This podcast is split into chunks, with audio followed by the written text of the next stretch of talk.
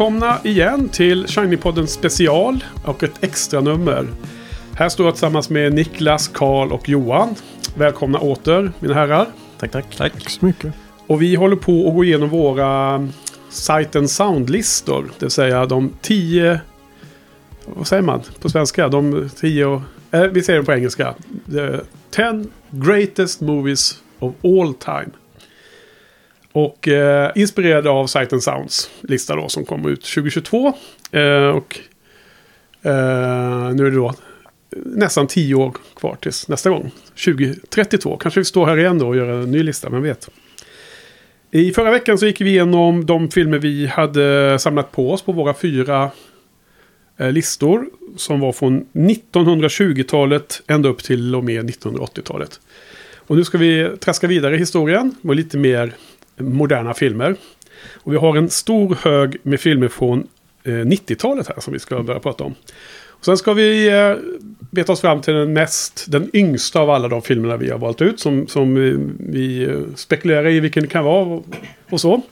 Och så avslutar vi dagens program med den handfull filmer som faktiskt har dykt upp på minst två av våra listor. Så vi har lite överlapp ändå. Det blir inte totalt 40 filmer. Och här under 90-talet så kommer vi att göra en lite, litet avsteg ifrån strikt eh, åldersordning. För att det inte ska bli för många filmer i rad för någon person. Någon stackare som kan bli helt torr i munnen och eh, förlora rösten och bli hes och allt sånt där. Ja. Så då drar vi igång då. Eller några kommentarer från förra veckan. Har ni tänkt, funderat, kommit fram till någonting? Något ni missade säga eller något sånt där? Ja, det finns några screwball-komedier som jag ångrar att jag inte hade med. Eller en speciell. Ja. Men det kan vi ta sen med, när vi kör honorable mentions. Ja, man kan nämna några sådana som var smärtsamma. Att Dök upp en i huvudet så här, liksom, tja, den där skulle jag haft ja, med. Pratar vi 40-tal något sånt? Eh, 30-tal. Åh, oh, härligt. Ja. Ah, Bringing Up Baby. Kanske. Nej. Den är också vattendelare. Karl, några funderingar, kommentarer? Ja, det är ju fascinerande att vår median nu hamnar så, så, så pass sent mellan 80 och 90-tal. Ja. Men det är väl som sagt, det är någonstans rimligt att det finns många gamla filmer med för att man vill ha lite perspektiv på hur de faktiskt har ehm, eh, påverkat filmhistorien. Men eh, att den här gränsen flyttas närmare och närmare är väl rimligt också. Ja, men det är lite både och. Det finns ju det här med... Eh, ibland har man sett eh, riktigt bra filmer, men det var så himla länge sedan. Ni har varit inne på det flera gånger när jag kommenterat. Att jag har sett den, men det var så länge sedan och så. Det blir ju ändå en fade-effekt över tiden. Så det finns ju någon form av... Vad vill du kalla det? Recency bias. När vi går igenom våra topplistor. Ja, precis. Eh, men annars så är vår median på 80-talet kan jag säga. Mm. Så är det. Jag vet inte om det är rimligt. Det är ändå... Det börjar bli ett, ett tag sedan nu. ju. Yep. Jag menar... Vad är det? 40 år alltså. När jag började kolla på film så var 40-talet var ju då mitt, samma tidsdifferens som film, ungdomar som är 15 år nu tänker på om 80-talet. Det är svindlande det också. att tänka på. Men så är det ju. Mm. Och då när jag växte upp och började se film mitten på 80-talet eller tidigt 80-tal. Då var ju inte 40-talsfilmer så jättevanligt att man kastade in i VHSen. Den, den toppmatade VHSen. Nej. Du då Niklas, har du funderat på något? Ja, jag har väl mest varit tacksam för att eh, ni andra har haft ett ganska så här brett eh, perspektiv liksom när det gäller liksom för, för, att det blev ändå en eh, så här, filmhistorisk resa ja, det här. Just det. För jag själv har ju varit väldigt, om man säger egoistisk, eller ganska så här eh, snäv i mitt eh, urval. Eh, och känner att det kan vara lite svårt i vissa fall att, argumentera för varför just den här filmen liksom platsar i det här stora eh, liksom filmhistoriska ja. kontexten. Jag får en känsla av att du har mer autobiografiska filmer som är kopplat till den. Och det är minst lika intressant tycker jag då förvisso. Så att det får du gärna bidra med. Ja, ja men bra att jag kan. Sådana typer av filmer. ja, och du, du, har legat i hårdträning nu hoppas jag den här senaste veckan. För nu, nu har du en del, hel del filmer att prata om här. Mm -hmm. Ja. Var inte så många som, ja, några har du täckt av redan men inte alla. Du ska få börja bland annat. Ska vi köra igång? Vi gör det. Så då är det alltså 90-tal nu då. Och vi har en stor hög av, av intressanta filmer.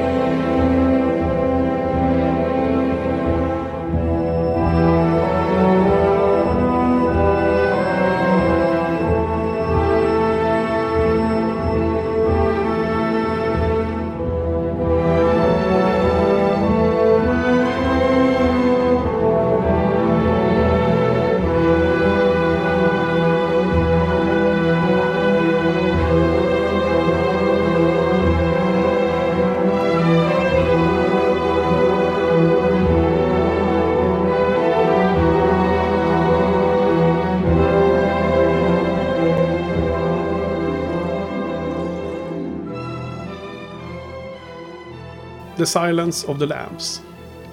Ja, av uh, Jonathan Demme. Ja. Uh, Demi? Demi. Är det så det uttalas? Ja, jag tror det. Okay. Uh, ja, men den är väl kanske då mest ikonisk för uh, Anthony Hopkins uh, skurk då, eller mördare som inte är liksom... Han är väl antagonisten i filmen, men det är inte han som de jagar, utan det är ju den här Buffalo Bill. Just det. Men han stjäl ju showen ändå. Ja. Eh, och Jodie Foster är ju jättebra som den här eh, FBI-agenten Clarice, Clarice Sterling. Ja. Mm. Starling. Starling. Starling. Starling är någon annan. Um, nej, men den, den, här filmen, om den liksom, det är väl den perfekta thrillern uh, i mitt tycke. Uh, se, seriemördar-thriller som, när den är som allra bäst. Ja. Och den är, um, känns ju verkligen modern fortfarande, tycker jag. Eh, med liksom utseendet. Eh, känns lite som att det är så här... Eh, Denis Villeneuve har väl tittat på den här när han gjorde Prisoners. Ja, liksom sådana filmer. Lite så här höst, höstig ja. och dov, dov stämning. Det finns massor sådana tv-serier också. Mm, The, ja. The Fall och allt vad de heter. Som det ska vara så här höstigt och regnigt. Bistert. Och, ja, det ska vara någon mördare. Ja. Uh, har också en av de... Han har ju många obehagliga scener, men den värsta tycker jag är den i buren när... Uh, ja, spoiler om man inte har sett den, men där Hannibal Lecter rymmer från de här vakterna. Just det. Uh, ah, just den är lika otäck varje gång. Ta på sig. Ja, precis. Den har en skön sluttwist, men... Ja, det kryper i mig när, ja. när den kommer. Men den är, den, den är supervälgjord och den följer ju också liksom ja, med Jodie Fosters karaktärs eh, svårigheter att liksom hävda sig mot de här, eh, den här mansdominerade branschen. Eh, och hennes samspel med Anthony Hopkins karaktär är ju väldigt intressant mm. också. Mm. Jag kommer fortfarande ihåg, jag, jag bodde i Uppsala och pluggade och bodde studentkorridor. Och det var så himla mycket snack om den här filmen. Så att det var ju helt givet alla såg den då, känns mm. det som. Men det var också den här förväntan och den här byggde upp hur, hur det var mycket förhandsnack om hur eh, skrämmande det var, eller hur hemska scener det var. Så jag kommer ihåg att jag var helt så här på, på spänn när man gick och såg den. Men fantastisk thriller att gå och se på i biomiljö. Mm. Ja. Otroligt bra. Det är, det är en av mina favoritfilmer faktiskt. Eh, om jag skulle göra en topp 10 med personliga favoriter skulle nog ja, skulle kunna vara med faktiskt. Ja. Älskar de här dialogscenerna mellan Hannibal Lecter och Clarice i fängelset där. Det är ju liksom... Ja. Eh, och sen är det här en sån här, jag brukar använda det här begreppet filmfilm ibland.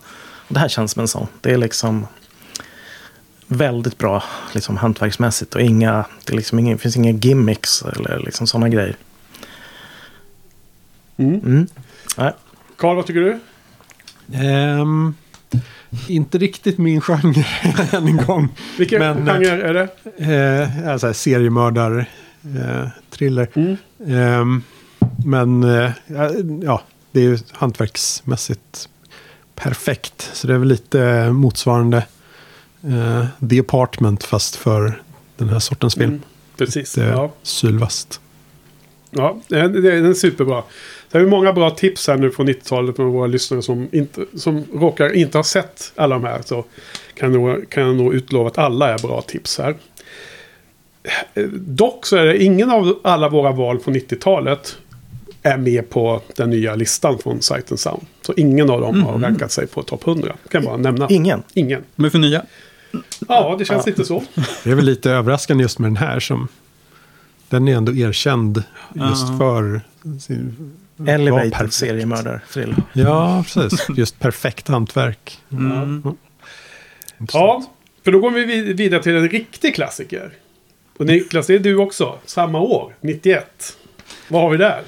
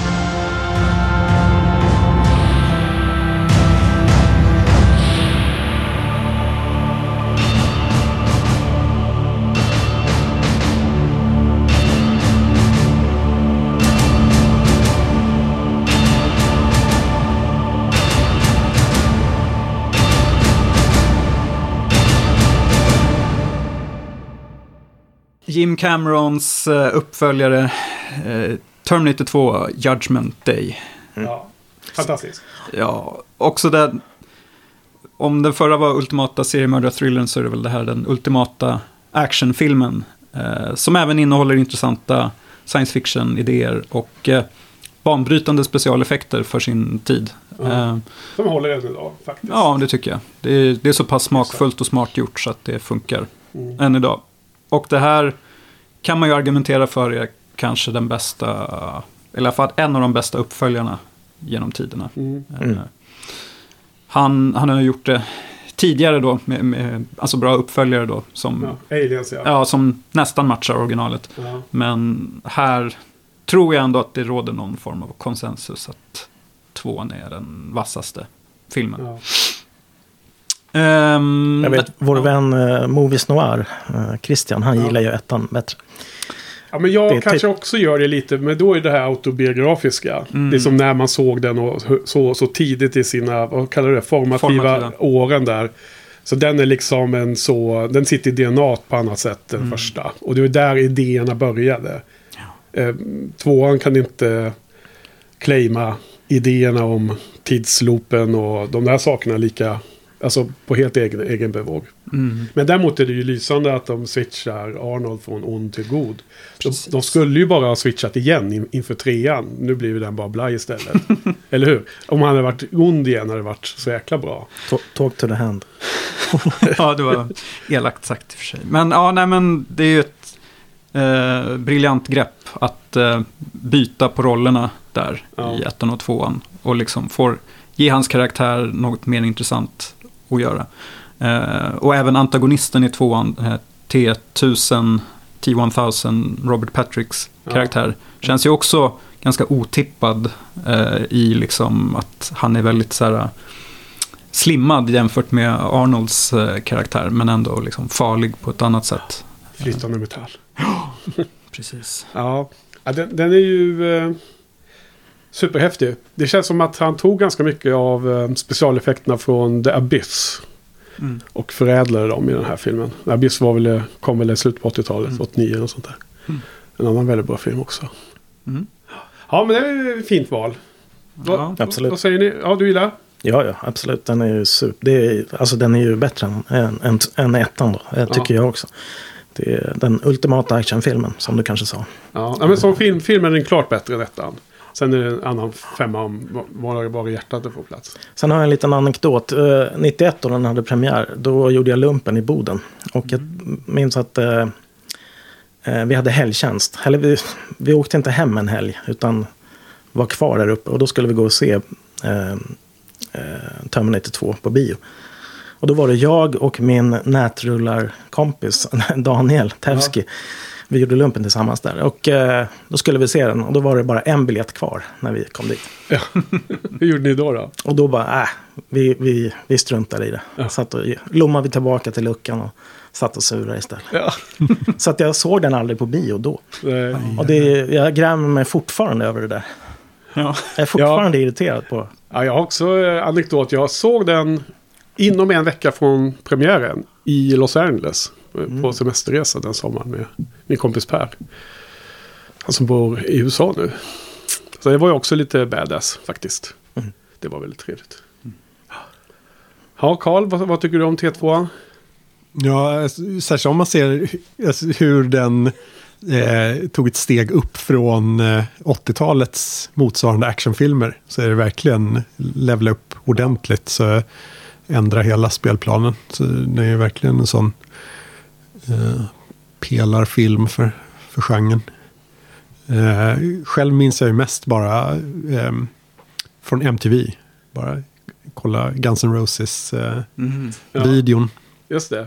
Den, den spelades många gånger. Ja, Ja. precis. You could be mine. Tror jag det heter. Något sånt.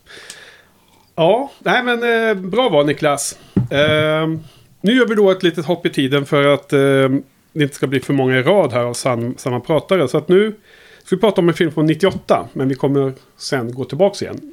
Så nu gör vi det lilla, lilla avbräcket. Eh, så nu Johan.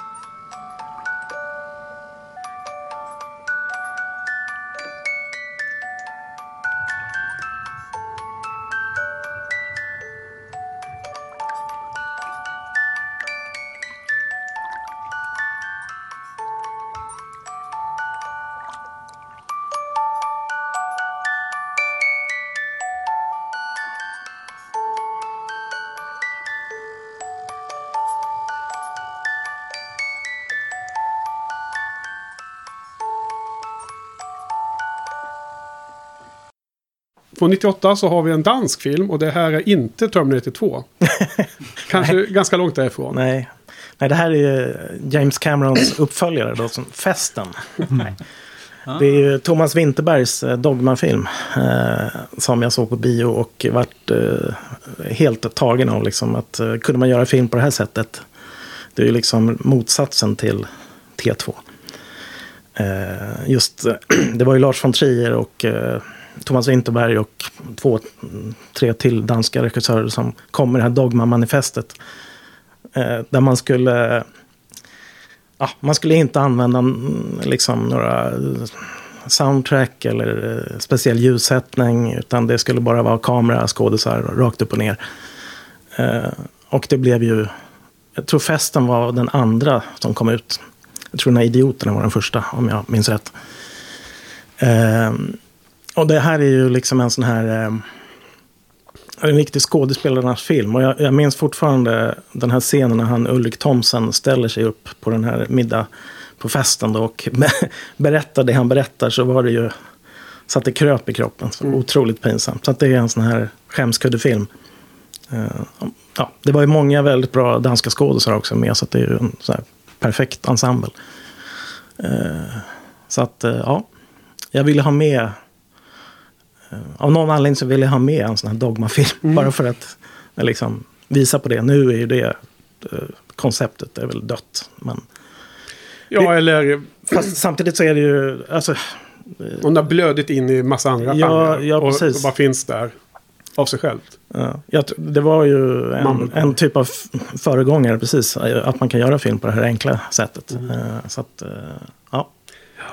Ja, jag, jag kan bara hålla med. Det är en fem av fem film för mig också. Jag så, såg den på bio 98. Extremt eh, tuff film att se. Alltså Ja. jobbig att se. Med temat och så. Jag kommer ihåg att det var väl minst två sällskap som gick, om inte tre, som gick då från biovisningen. Oj.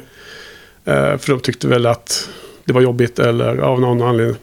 Otroligt bra film, Mm. eh, verkligen. Har ni sett festen? Nej. Nej. Har ni inte sett den? Nej. Är det sant? Då får vi köra, köra den. Det, det, det är quotet. Har du inte sett den? Ja.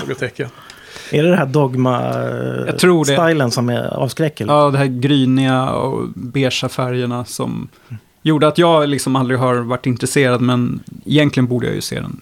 Helt klart. Ja, alltså det här, är- även om det är jobbig eh, tema eller ämne så är det ju, alltså den är så otroligt eh, värd att, att se ska jag säga. Mm.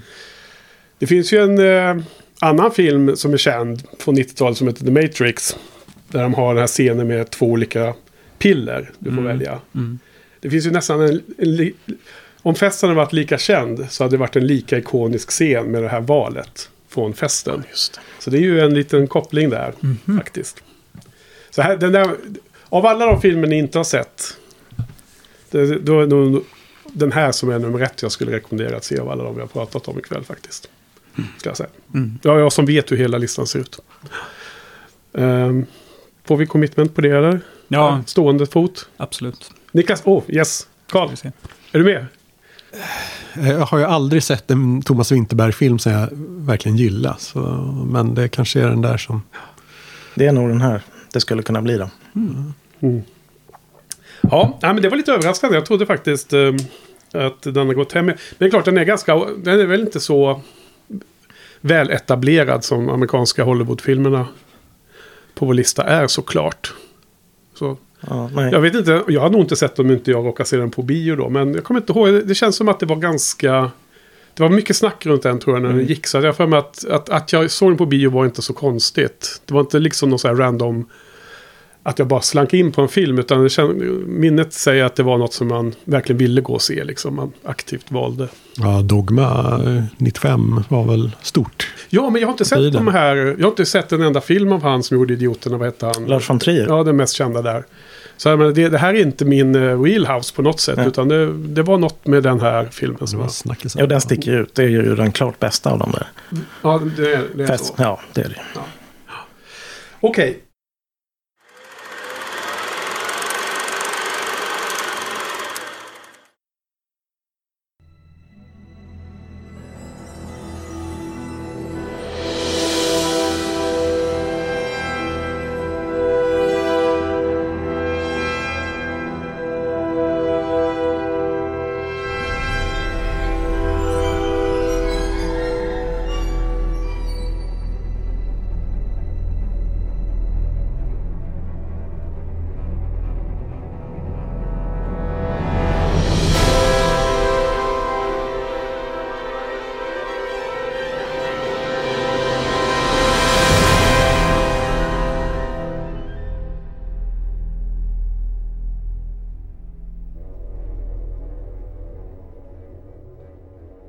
Då Johan, är det en film till vi diskar av direkt från 99 och det var just den vi nämnde. The Matrix. Ja, alltså det här är ju min... Jag brukar säga att Apocalypse Now är min favoritfilm, men det, nu när jag tänker efter så är det nog den här. Eh, och det är ju verkligen en föregångare. Eh, sa vi The Matrix? Ja, det kanske Ja. vi... Ja. och det är Wachowski-syskonen som då var bröder eh, som gjorde den här. Och eh, alltså... både konceptmässigt och eh, alltså de eh, spe, eh, specialeffekterna, martial arts-scenerna. Eh, Jag älskar ju martial arts-filmer. eh, Så att de scenerna sticker liksom ut för sig också. Eh, och jag kan uppskatta dem liksom på stående för sig själv. Eh, Och jag, eh, jag såg den här faktiskt på ett plan från eh, Sydney till London. Eh, Eh, Uppdelad. Jag såg slutet först och sen början och sen mitten. Och förstod ingenting eh, vad som hände så att säga. Så att, men sen gick jag och såg den på bio när jag kom hem då. Eh, och blev totalt eh, mind blown. Så att, eh, eh, och sen kan jag säga att just det, Yuan Wu Ping är det ju som har gjort eh, martial arts-koreografin. Han gjorde ju även Crouching Tiger, Hidden Dragon. Och gamla Jackie Chan-filmer. Så att eh, det, de har ju tagit in den bästa. Mm. Eh, ja, massor med eh, ikoniska actionsekvenser som jag kan se om och om igen. Verkligen. Och eh, också som, som har satt en standard eller, eller skapat nästan som en egen Det är, subgenre inom det är ytterligare science fiction då. Mycket science fiction här. Och det var väl kanske anledningen till att den föll på målsnöret för mig. Det är ju helt klart en stark bubblare men jag hade ju inte med den. och så hela det här med bullet time. Ja, Det är verkligen en föregångare. Superfilm om man talar om impact på filmhistorien. Måste jag säga. Jag tror dessutom det är den film jag har sett flest gånger faktiskt. Mm. Jag brukar inte se om film så ofta, men den här har jag sett. Mm. Det var även att man såg om den alltså innan uppföljarna kom då. Så att, eh, ja. Ja, på något sätt har väl tvåan och trean kanske lite dragit ner lite känslan. Det, när det blir en sån serie där det blir eh, liksom svagare och svagare filmer blir man inte li, lika pepp längre va? Nej, det var som att de, jag vet inte om de stressade fram den eller... Där är ju specialeffekterna är ju inte speciellt bra. Nej, och sen De den har- här filosofin som jag tycker var på rätt nivå i första. Det behöver inte gå så in mer i detaljer och så här.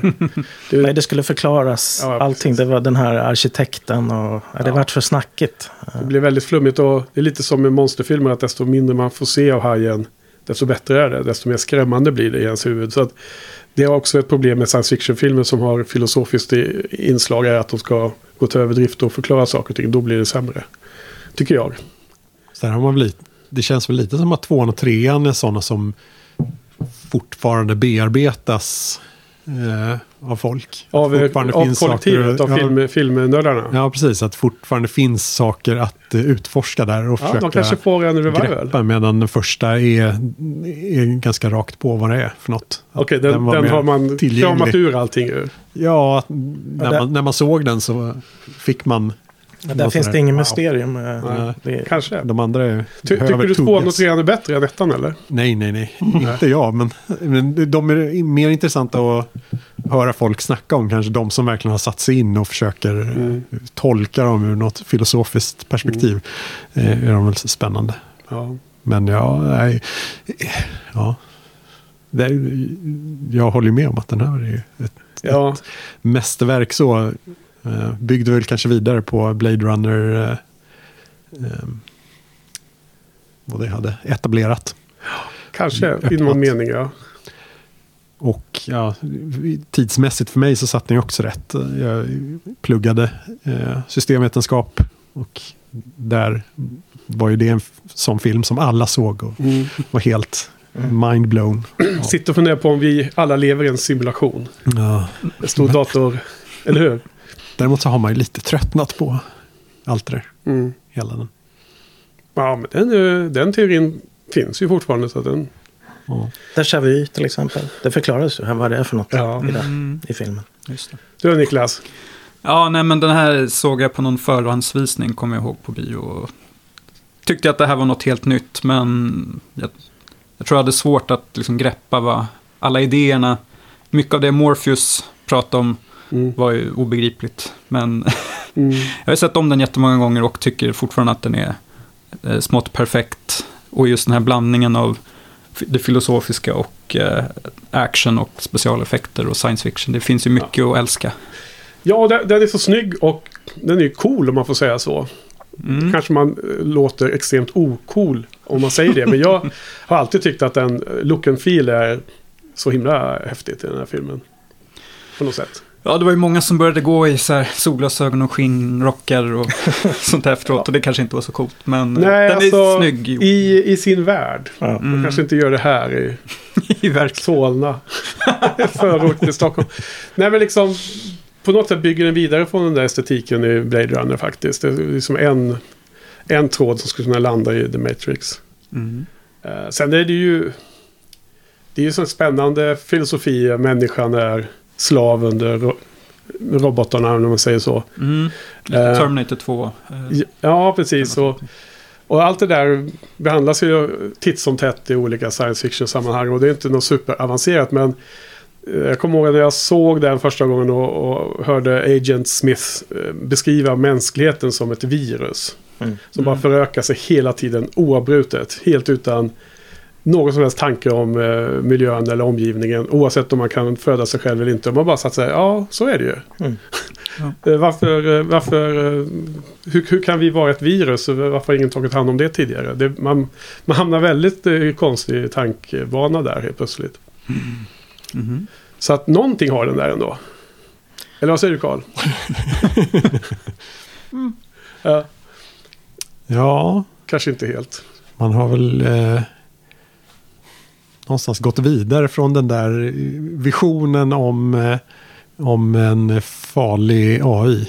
Att den är farlig på andra sätt Mm. nu. Så på det sättet har den inte åldrats klockrent. Nej. Men eh, vissa av de där funderingarna landar väl hos folk. Ja, nej, jag, jag, jag refererar mest till kanske vad man tänkte då när man såg filmen nytt och så. Det- känns inte som det är en sån film som man återvänder till för eh, Eh, att den är så oförståbar eller mystisk. om Man vill liksom eh, grotta ner sig i det. Det finns ju många andra aspekter med action och det här. Och bara feelingen i filmen. Men till exempel Blade Runner har ju liksom verkligen eh, en film som man kan fundera på mycket mer. Där kanske inte Matrix kom upp i den nivån. Kanske därför i mitt fall det blev den Blade Runner istället för den här då på den platsen. Mm. Men det är häftigt i alla fall. Kommer ni också, en annan sak kom ihåg att det var väl en tidig film som hade sån här eh, internetdriven marknadsföring innan. Kommer ni ihåg att det var så här What is the Matrix? Mm. Det var Ja, en det. tävling och så. Ja, Man skulle svara på vad det var innan filmen hade premiär. Mm. Det, det var en av de första tror jag som hade sånt. den och uh, Blair Witch Blair Witch Pro- Project. Ja. Samma år va? Tror 99 var starkt då. jag. Mm. 98, nej, 98 kom den va? Blair Witch. Skitsamma. Ja, kan ha varit så, men där i... Mm. Vi kommer tillbaka till 99 Johan. Du hade en hel drös här runt slutet på decenniet. Men för att vi skulle switcha lite här så hoppar jag fram och tillbaka. Så nu är vi tillbaka på början av 90-talet igen. Och nu är det en av mina filmer. Från 1992.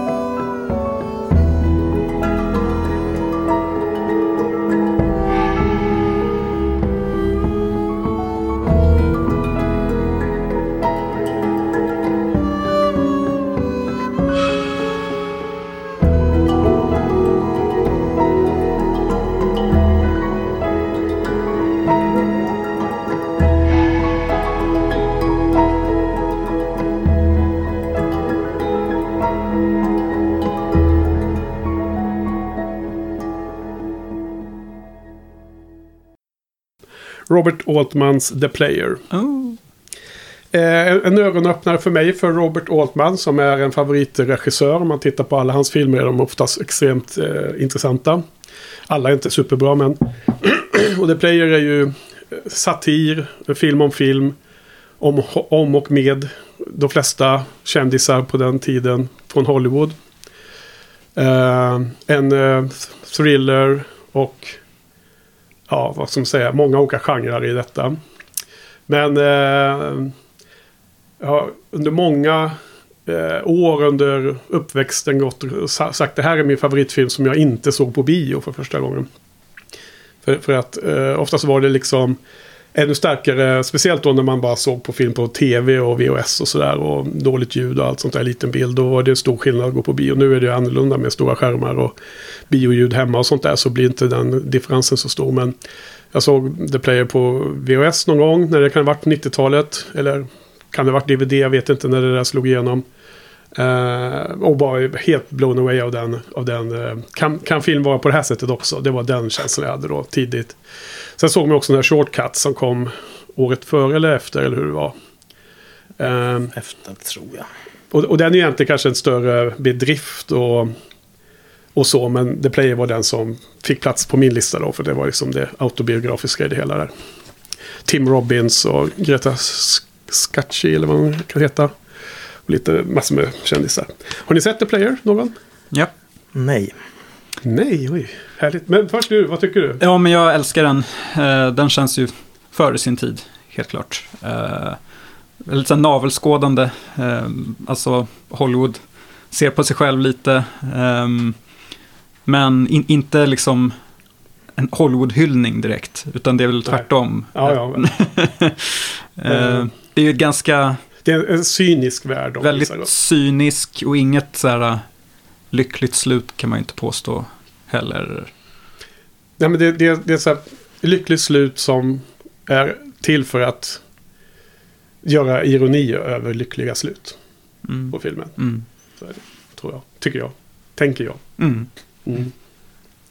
Ja. Såg jag den på en liten filmvisning här eller lyckades du bara övertyga mig att se den? För jag har i alla fall sett den och uppskattade den jättemycket. Kan ha sett den här någon gång.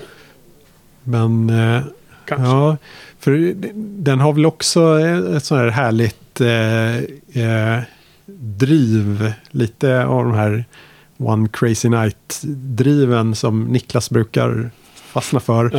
Eh, eller hur? Där Ja. det verkligen bara är väldigt stressigt och eh, han springer fram och tillbaka. Ja, huvudpersonen har väldigt stressiga dagar det handlar om. Ja, precis. Ja. Mm. Den, den, eh, den feelingen kan man nog få fram av filmen, absolut. Det, ja, ja, den är ju härlig. Ja. Det är en intern eh, maktkamp på filmbolaget så han får inte visa sig svag. Så att han får en person som hotar honom till livet måste han också hålla det dolt och fixa det på sidan samtidigt som han håller på att fightas mot sina konkurrenter om vem som ska få chefspositionen och sådana saker. Och, allt, och alltid blir bara mer och mer och mer cyniskt. Mm. Och sen eh, den här filminspelningen med Julia Roberts och Bruce Willis och sådär speglar ju slutet på filmen sen. Det är där, det är där jag köper in det här ironiska över det hela. Mm. Men det känns som att Altman just är en av de absolut bästa män som inte riktigt har fastnat som en, någon sån här filmhistoriskt viktig person. Jag jag har ju min egen lilla spaning är ju att Paul Thomas Anderson är en Altman wannabe. Ja. Fast, fast sämre i mina ögon då. Han eh, Ja. krattar manegen för vissa sådana. Ja. ja, men du Johan, vad har du Ja, då har jag något att se fram emot. potential att... Eh, Shortcut såg jag på bio när den kom. I- och den gillar jag verkligen. Så. att- Men det här, The Player är inte en sån här riktig sån här ensemblefilm. Utan det, ja, det, det blir inte olika stories som vävs in i varandra. Nej. Den aspekten är shortcuts eh, helt själv. Men det är... Eh, kan det vara hundra personer i, i casten ungefär i The Player. Massor med folk som spelar cameo bara, sig själv. Mm. Så att det är en liten krydda i det. Men känns den inte lite underskattad eller? Eller lite, Lite. lite, underskattad, eh, bortglömd? eh, Jo, verkligen. För Den, den, det- den ju- nämns inte speciellt ofta. Förutom när, när du nämner den. Annars brukar jag inte höra så mycket om den. Nej, men Ja. visst var det, när Shortcuts kom Ja. så var det jättemycket Ja. publicitet kring och att det var här är Altmans comeback. Mhm. men då kanske den kom året innan. Annars är det jättetaskigt ifall han släppte The Player Ja. och sen ignorerade Kan ju, kan ju vara lite det här eh. Pulp Fiction versus Reservoir Dogs också. Att The Player kom liksom före och sen Ja, började många från Shortcuts kom tillbaka till The Player och så sen. Jag vet inte. Jag kommer inte ihåg. Vi, må- vi borde kolla upp det vilken ordning de kom. Men skitsamma. Det, det får lyssnarna reda ut själv. det, båda är jättebra. Men som sagt. Man, man får välja en. Det är så många. Det är så många. Så, så få platser så att det fick bli en Åtman-film. Och då tog jag den som längst period i, i mitt filmliv. Och varit som eh, högst på listan. Fint att han får med. Ja, det, det tyckte jag. Och nu över till eh, Niklas. Vi kommer fram till året 1993. Ett år vidare. Och en sannoliken en game changer.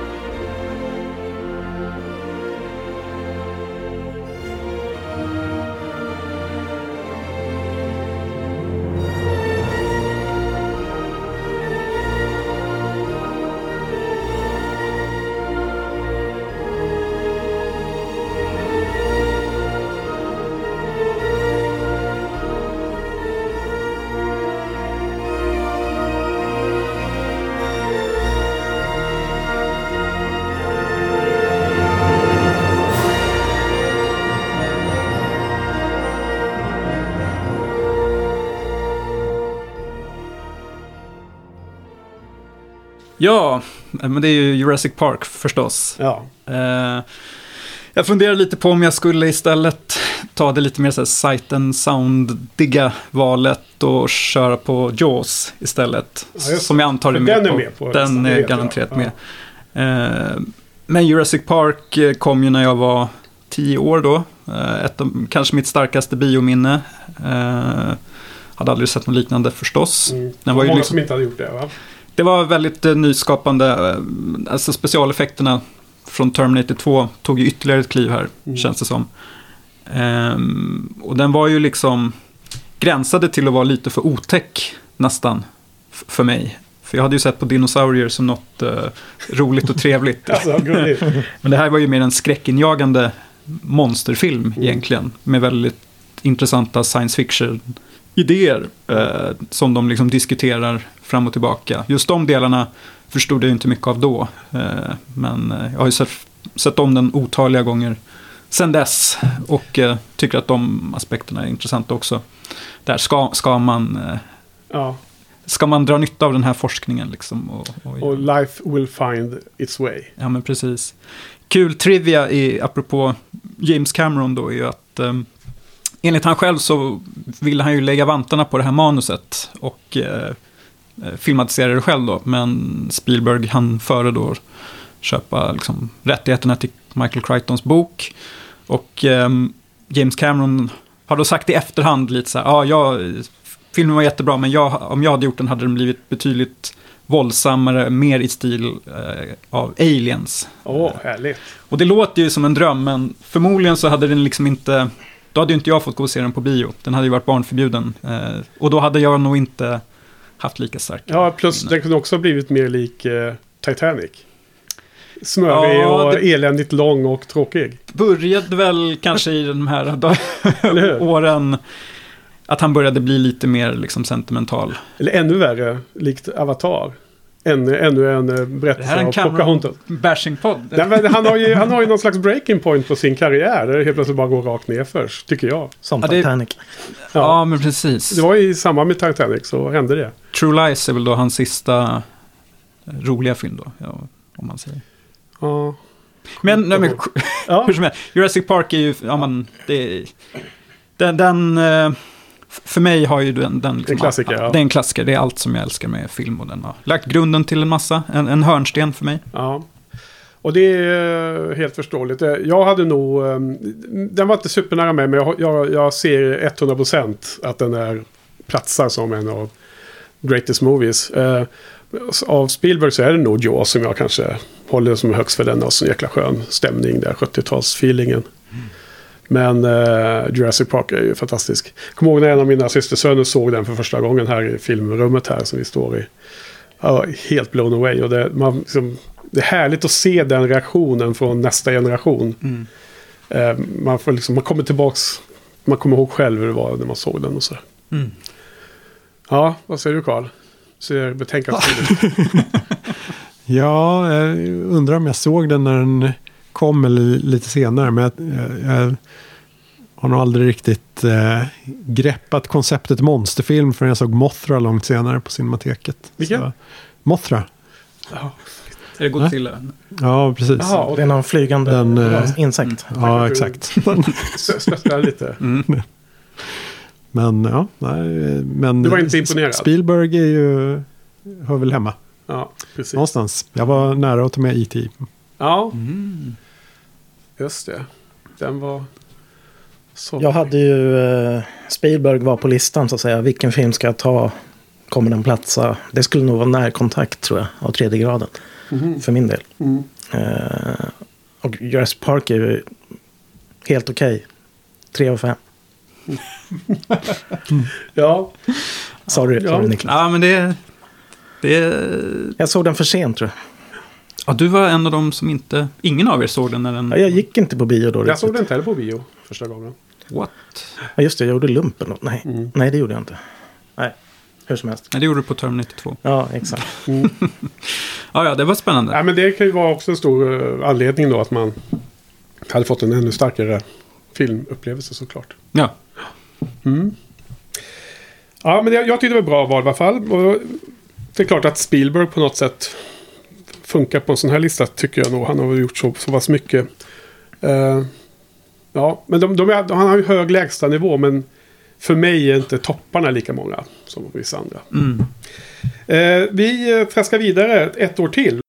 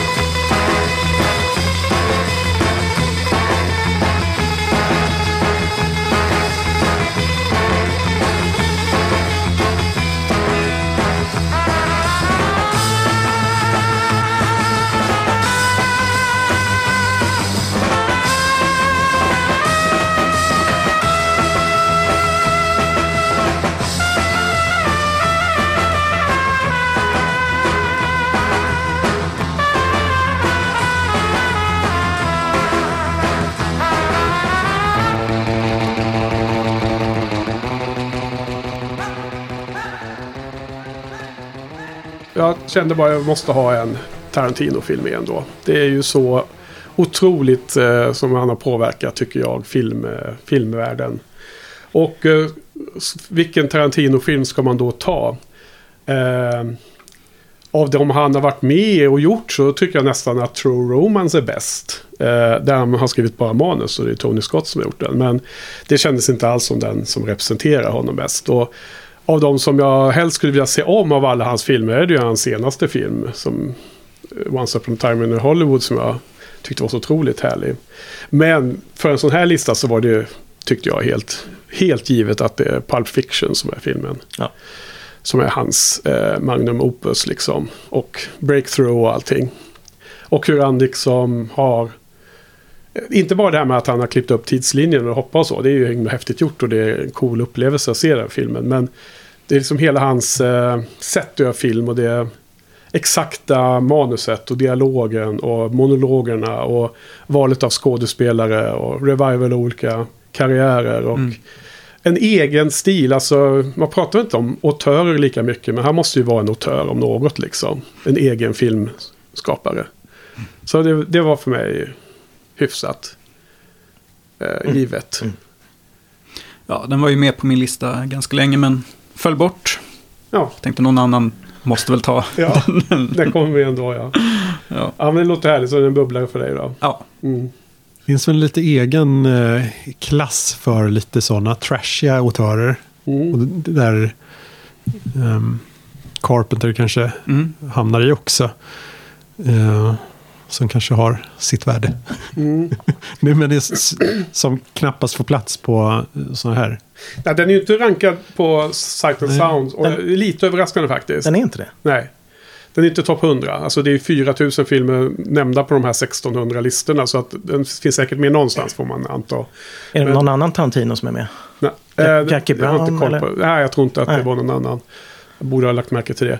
Alltså det är inte lika credit men på något sätt så blir ju de här seriösa filmerna inte lika bra om det inte finns andra typer av filmer också. Det måste finnas andra typer av filmer för att det, allting kan inte vara helt jämnstruket. Det måste vara vågar och dalar liksom. Och då, då har man olika preferenser. Det här eh, tycker jag är top of the line. Absolut. Helt klart. Även om det fördärvade resten av 90-talet eh, actionfilmer. Det är många som försökte härma ja. Ja. Ja men det, det är ju Guy, den påverkan ja. Guy Ritchie är väl Ja, en precis. efterapare. Mm. Ungefär som du med Paul Thomas Anderson och Robert Altman. Det är lite Ja. samma. Fast jag älskar ju Paul Thomas Anderson. Ja. Eh, nej men just det, det här var en sån här film som, eh, som jag fick den här, eh, jaha, kan, kan man göra film så här? Den känslan. Ja. Eh, ja, dessutom såg jag den på bio och eh, en eh, kursare som eh, satt bredvid mig, han svimmade under den här sprutscenen. Han sprutade i hjärtat. Ja, då Ja. sjönk han ihop och ja, svimmade. Det var, Vad, gjorde ni då? då? jag vill liksom eh, dunka på honom liksom, så kom han, kom han, Jaha. till, kom han till liv. Det blir ingen stopp på film och så? Nej, nej. Nej. Han, han vaknade till. Men han var känslig för det där. Ja. Alltså, jag gick ju med två korridorskompisar på Alien 3 på bio i Uppsala. Och i inledningen av den filmen så sker en obduktion av ett barn som har dött. Ja, Newt helt enkelt, från tvåan. Och eh, de, de har ju, filmar ju bara från huvudet upp på, de, eh, på obducenten och så. Så man hör ju bara ljudet. Och man ser att det blir lite blodstänk och sånt. Du får inte se liksom obduktionen. Du får ju bara se, du får, det här, kameran är ju liksom vinklad uppåt. Eh, men då är det en som svimmar av, det, av den, eh, hela den scenen. Det var otroligt tryckande Ja. spänning i rummet kommer jag ihåg. Men då tändes det ju och så kom ju ambulanser in på vad uttalet. Så det blev så att, jätteospännande helt plötsligt. Så när de Ja. återupptog filmen så var det hela den där magiska känslan. Då. Shit. Sånt händer. Ja, okej. Det var 94. Och eh, ja, och då är vi tillbaka igen till slutet på 90-talet.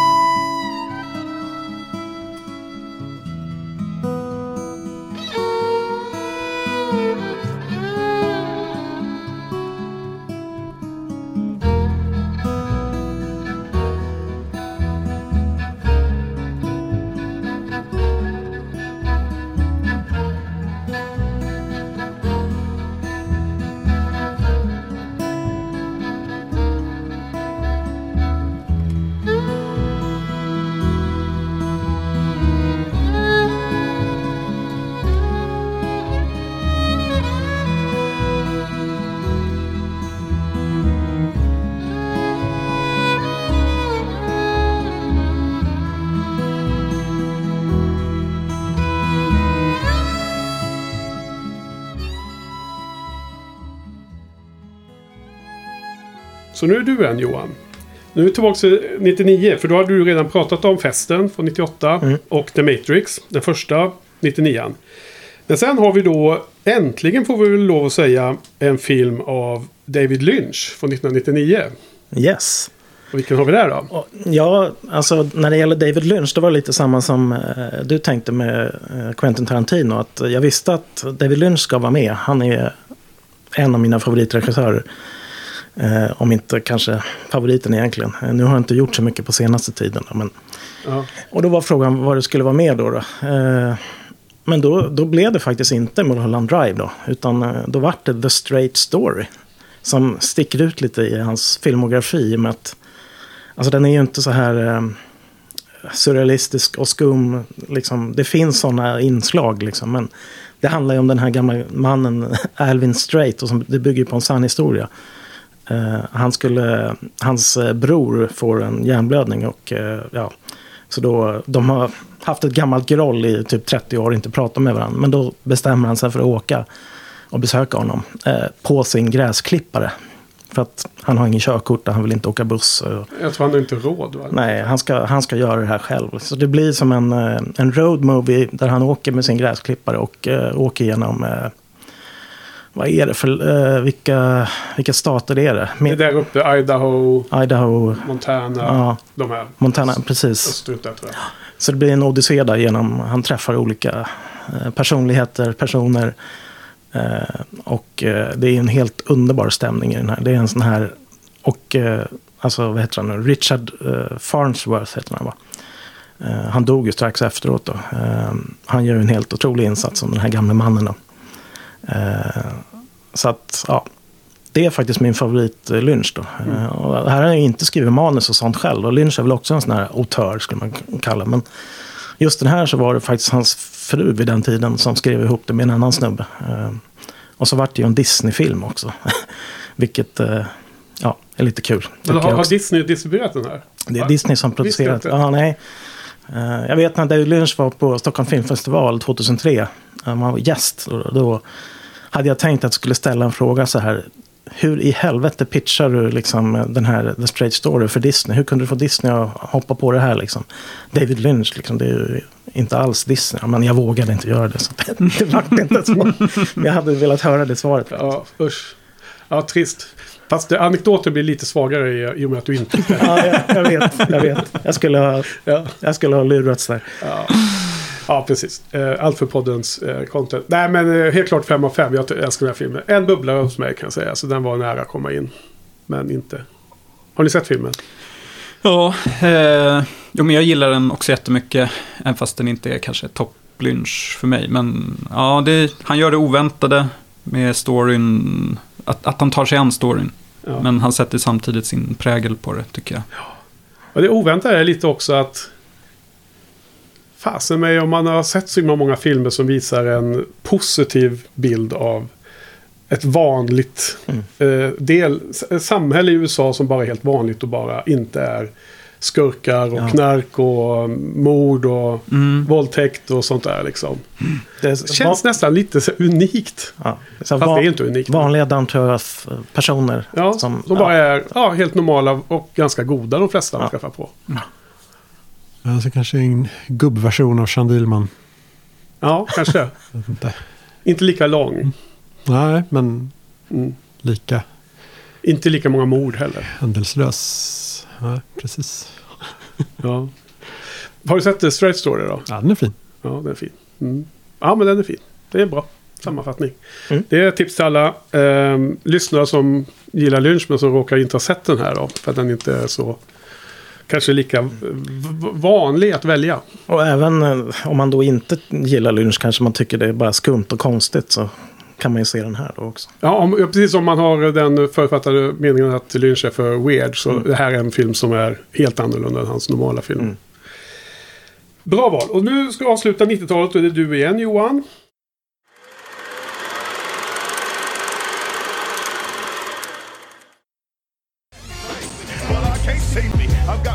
Got my pistol point cocked. Ready to link shots non-stop until I see your monkey ass drop. And let your homies know who done it. Cause when it comes to this gangster shit, you motherfuckers know who run it. Uh, we're standing up for our own shit. And if you with this motherfucker to the test, you gotta realize something, nigga. You fucking with the very best. I got this killer up inside of me. I can't talk to my mother, so I talk to my diary. Och här kommer kanske, eh, kanske eh, listans stora överraskning efter Dr. Mabuse Der Spieler. Så har vi ett annat lu- lustigt val som jag älskar. Jag älskar det här valet. Men jag var inte stark nog att ta med en renodlad komedi. Men du har en 99. Office Space. Ja. Och det här, jag visste ju att jag skulle ha med eh, en komedi. Och jag, är- alltså komedier brukar ofta inte gå hem så här perfekt för mig. Utan det är, det är någonstans på vägen under en komedi så brukar den liksom dala. Det finns någon Mm. period i mitten eller i slutet när de liksom Ofta sämre slut tycker De jag. tappar liksom den här komiska touchen. Det, men Office Space är ju en sån film som... Det är en, man ska, ja, en romantisk komedi, en arbetsplatssatir. Eh, om man har suttit i kontorslandskap och jobbat eh, så då uppskattar man den här filmen. Mm. Eh, det är då, den är regisserad av Mike Judge. Och den bygger väl egentligen på en någon typ av eh, serie va? Milton. Eh, och det är ju den här eh, personen som eh, har den här eh, häftapparaten. Mm. Eh, men då har han byggt liksom en historia runt det här om tre kompisar som jobbar på det här eh, företaget. Som heter något generiskt. Eh, där de sitter och jobbar med Y2K-problemet så att säga. Ja. Ingen eller något sånt där. Nej, Initech. Initech. Ja. Jag tror de heter Initech. InGen är väl Jurassic Park? ja, kanske det. Du vet, Ja, ja. du sådde ett frö där. Ja. Ja.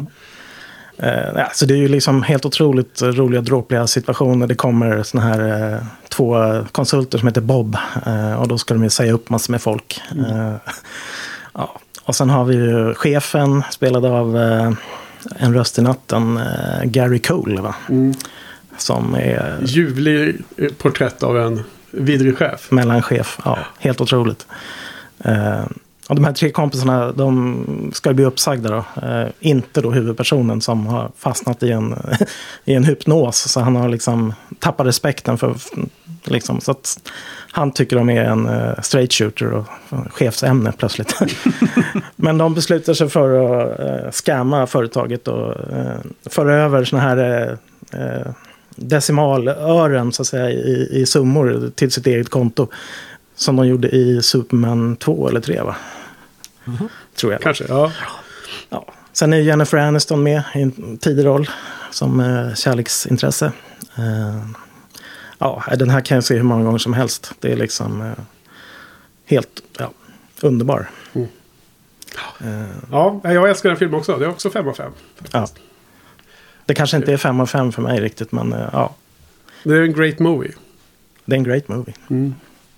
Eh, det är svårt att hitta ett lämpligt val från komedierna. På något sätt så dels att det finns flera som skulle platsa. Men de tog lite ut varandra och sen blev det ingen plats kvar för någon renodlad komedi. Jag får luta mig på Chaplin-filmen där. Mm. Barnfilmen. City Lights. Har ni sett eh, Office Space? Mm. Ja, absolut. Vad, vad tycker du om den Niklas? Ja, den är väldigt rolig och träffsäker. Ehm, om jag hade valt en komedi hade jag nog valt någon av Farrelly-brödernas Jaha. eh, första tre filmer som var... Shallow Hal. Nej, Är inte dem? nej det är Dum och Dummare och... Ah, Kingpin men och- Är inte det samma som gjort den? Okej, Ja, skitsamma. det kanske det är. Ja. Det kanske var en senare. Ja. Ja. Ja, det har du Okej. rätt i Henke. Men, ehm, men den har ju inte den här liksom, satirelementet som Office Space har. Så Office Space har ju, åldras ju mycket bättre. Jag såg om den för inte så länge sedan och tyckte Mm. fortfarande att den var kul. Mm. Ja. Komedi är som sagt underskattat och svårt att värdera i de här sammanhangen. Så att jag gillar att du hade med den Johan. Vad, vad tycker du då Carl? Ja, nu kanske det har gått tillräckligt lång tid för att man ska kunna låta den vara med istället för någon gammal screwball-komedi. Ja. Ja, jag hade ju, eh, jag snackade tidigare här när, när vi började veckans avsnitt om, jag hade en komedi som jag, en screwball-komedi som Ja. jag ville ha med. Eh, men då vart det ju Office Space istället. Men vilken var det? Den är mer personlig på något sätt. Eh, jo, men det var ju His Girl Friday. Ja, just det. Den är suverän. Cary Grant och Ja. Hon nu heter. Rosalind Russell. Kan vara ja. Det har den på Blu-ray. Criterion där borta. Står bakom Carl där. Den är ju härlig. Men nu vart det Office Space istället. Ja, jag, jag funderar på två komedier som jag vill ha med. Och det ena var 80-talskomedin. Steve Martin, Michael Caine, Rivierans guldgossar. Eh, vad heter det nu då på engelska? Eh, Ibland är det vissa filmer där man Ja. kan den svenska Nej, titeln bättre. man har lärt sig den svenska, det Ja. var det- det man börjar med när man Ja. hyrde filmen. Det är så himla bra. Eh, och sen var det också Billy Wilder så är det väl eh, Some Like It Hot då. då. Mm. 50-talet. Men det, det fick, som sagt, City Lights fick täcka in all komedi där. Ont om platserna. Så det var bra att vi fick, fick med en eh, komedi ändå. Och den är inte med på Sight and Sounds lista. Nej, för det var våra nio 90-talsfilmer och ingen av dem var, var, var då med. Nu går vi då vidare till eh, 20, alltså decenniet som börjar med år 2000. Jag vet inte det. det vad säger Noll- de? 00-talet. Ja, men vad säger de på engelska? Notis. Naughties. Och det här är då inte 1900 00-talet utan 2000. Och då börjar vi med Karl här då. då.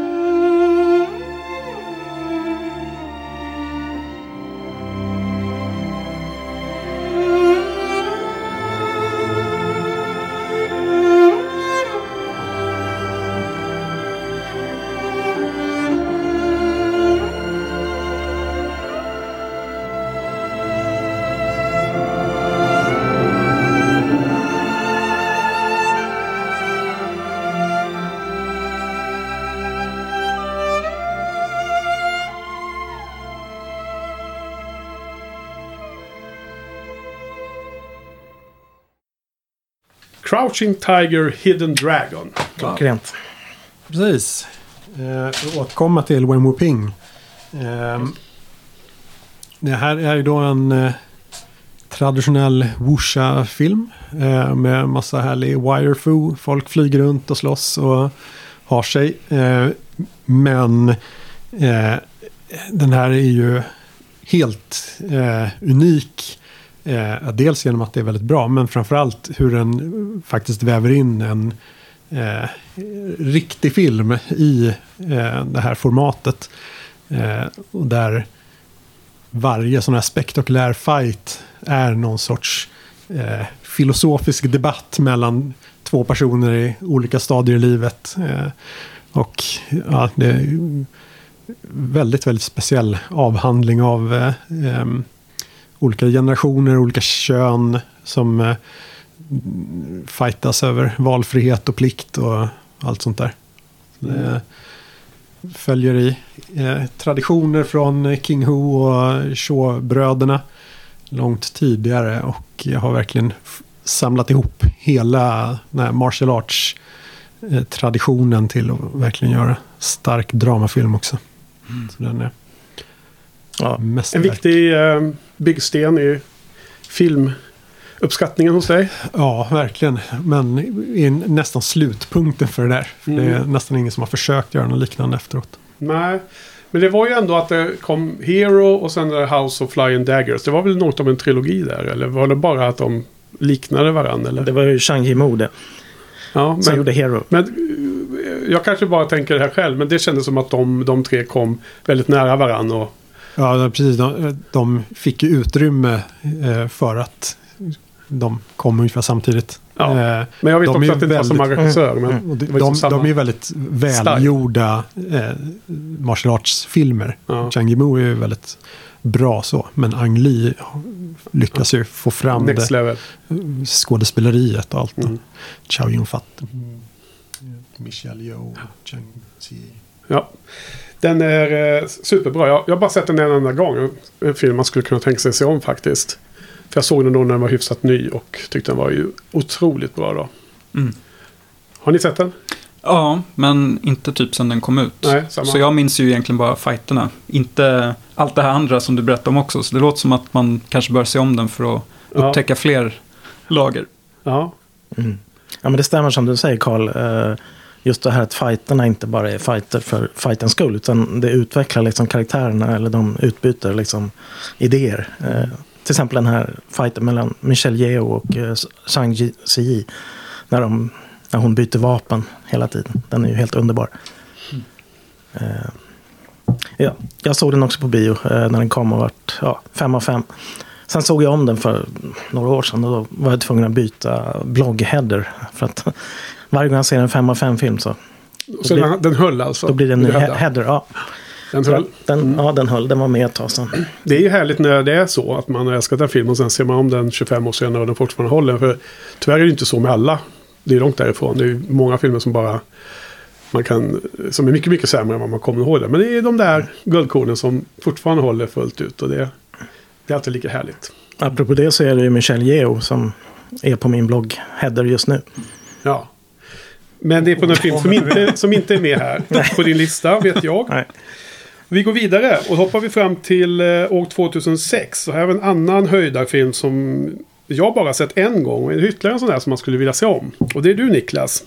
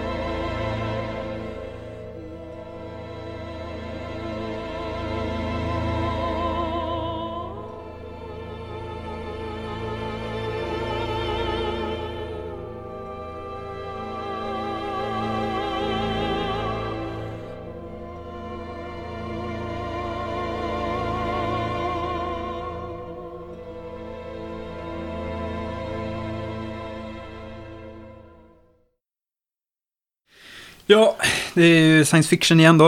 Eh, Children of Men. Mm. Eh, Quarons en dystopi får man väl säga. Eh, som jag tror typ utspelas... Ja, vi börjar närma oss det året som den utspelas i alla fall. Eh, Ja. 2020. En värld där inga fler barn föds va? Precis. Och det, det är en väldigt så övertygande... Eh, liksom, världsbygget är ju toppklass i, i den här. Eh, man märker ju att liksom det, det börjar knaka i fogarna eh, här och där. Eh, överallt egentligen. Och vi... Clive Owens karaktär, han är ju en cyniker liksom som... Lär sig att uppskatta, eller lär sig att liksom, han, han blir ofrivilligt då liksom den den som ska rädda mänskligheten kan man väl säga. Eller mäns- hoppet för Mm. mänskligheten. Eh, den, den var väl en lite så dark horse-val för min del att ta med den. Men det var den nyaste filmen jag kunde komma på som var liksom någorlunda liksom platsade jämte, jämte de här eh, mästerverken som jag har med i övrigt. Eh, men den är väl känd kanske framförallt för de här långa tagningarna som eh, är med. Eh, jag tror det är på slutet en så här krigstagning Mm. som är otroligt imponerande. Känns som att det är liksom lite från Irak-konflikten i, i Nordirland ungefär. Mm. Väldigt så dokumentär känsla. Bloddroppar på kameralinsen. Ja men precis. Kommer jag ihåg. Ja, det är väldigt... Ehm, ja, det var min, också min enda, liksom, mitt försök till någon form av mångfald eh, när det gäller regissörer. En mexikansk Ja, man. Icke, Icke-vit. eh, icke Hollywood nästan. ja, Ja, bra. Nej, men, ehm, ja nej, men det är en superbra film. Eh, Mm. Den är lite för ung för mig. För att känna att det skulle vara på den här greatest-listan. Jag har ingen Mm. från 2000-talet och senare nej. faktiskt. Jag tror Jag drog min gräns Halv- 99 också. Pulp Fiction är min yngsta film. Tror jag. Vem är det som är fotograf? Eh, Vad heter han? Lu-? Är det Leveski? vet inte. Vet ej. Ja, det låter rimligt. Ja, jag tror det. Vad, vad, vad tycker du om Children of Men då? Ja, jag älskar den. Fem av fem. Ja. Eh, helt otrolig. Eh, just de här långa tagningarna. Det finns ju någon när de åker bil och blir överfallna också. Eh, där kameran åker in och ut Ja, ur Julian bilen. Moore är med också. Ja, Mm. kameran åker in och ut ur bilen och hur i helvete har de gjort det där? Eh, just det, så dy- dyker ju Michael Caine upp också som en ganska rolig figur. Mm. Mm. Carl, är det någon favorit? Ja, jag kom till den ganska sent men eh, jag eh, uppskattar verkligen eh, det trixandet med långa tagningar och saker. Även om sen kanske också har, ledde till en del eh, onödiga äventyr med sånt. Men, eh, I mm, senare nej, filmer menar du? Ja, precis. Ja. Men på det, på det sättet, den populariserade verkligen eh, en sån ambition. Eh, vilket sen kanske har förstörts av så här, virtuella kameror. i- Mm. Ja. Men visst är det han som har gjort... eh, Gravity. ja, Mm. okej. Gravity, just det. Det här är också långa tagningar va? Mm. Precis. Jag kan verkligen tänka mig att det här är en film som då kommer stanna kvar i, som filmhistoriskt eh, intressant Mm. Mm. av sådana anledningar. Ja. Jag tänker nästan en eh, trilogi av dystopier där man börjar med Take Shelter. Där det bara är hot. Sen den här, när det är mitt i förfallet. Och sen The Road. The Road. Mm. Liksom bara för att ta död på minsta lilla livsglädje som finns kvar. i Avslu- avsluta med The Ja. Road. Ja. Jag såg den på bio, The Road. eh, Fruktansvärd upplevelse. Faktiskt. Ja, det är inte så Ja, men det är så otroligt mörkt. Mm. Den här är ju också det förstås. Den är ju väldigt mörk. Men det Mm. kändes som att den var lite mer eh, lätt konsumerad. Det är ett sånt där perfekt slut också. Jag kommer inte riktigt ihåg. Lite öppet slut va? Ja, inte öppet, men eller liksom så här, så här sorgligt och bra på samma gång. Mm. En glimt av något hopp. Clive, ja, jo. Sen går det ju inte så bra kanske för Clive Owens karaktär. Men Nej, han har ju- spelat ut sin roll. Ja, så det är också ett tips från oss alla runt bordet låter det som. Mer eller mindre. Till de som inte har sett den. Children of Men 2006. Och då kommer vi till eh, svaret på frågan vilken är den yngsta filmen som är med på våra listor gemensamt. Och sista filmen som bara är med på en av eh, våra eh, fyra listor. Och det är Karls.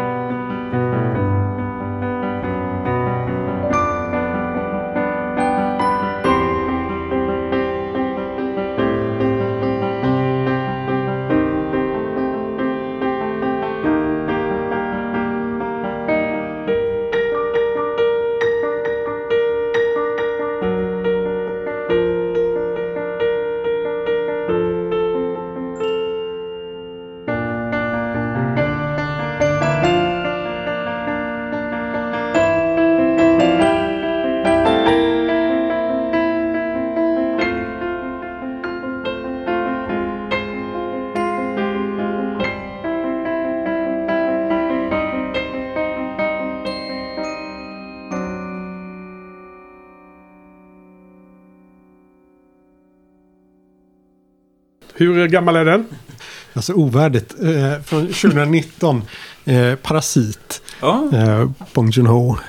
Ehm, kanske lite tidigt att påstå att den är eh, filmhistoriskt viktig. Men eh, den är eh, än en gång ett eh, sådär uttryck för bara perfekt eh, filmskapande i varje liten detalj.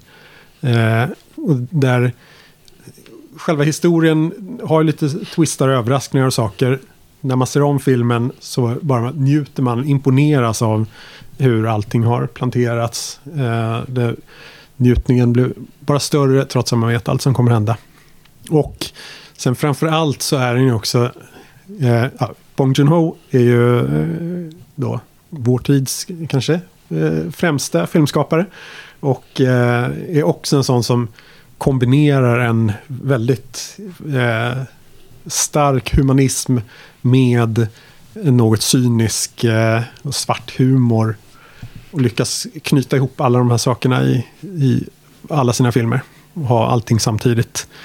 Eh, det finns en samhällskritik som är eh, avancerad. Det är många lager i den. Så jag tror att vem som helst, oavsett från vilket håll man kommer politiskt, så finns det saker att, att eh, få ut av den och gräva i den. Och jag tror att den kommer överleva eh, lång tid framöver tack Mm. vare det här. Att Ja, man- det är in, intressant och viktig aspekt på något sätt. Kan filmen överleva?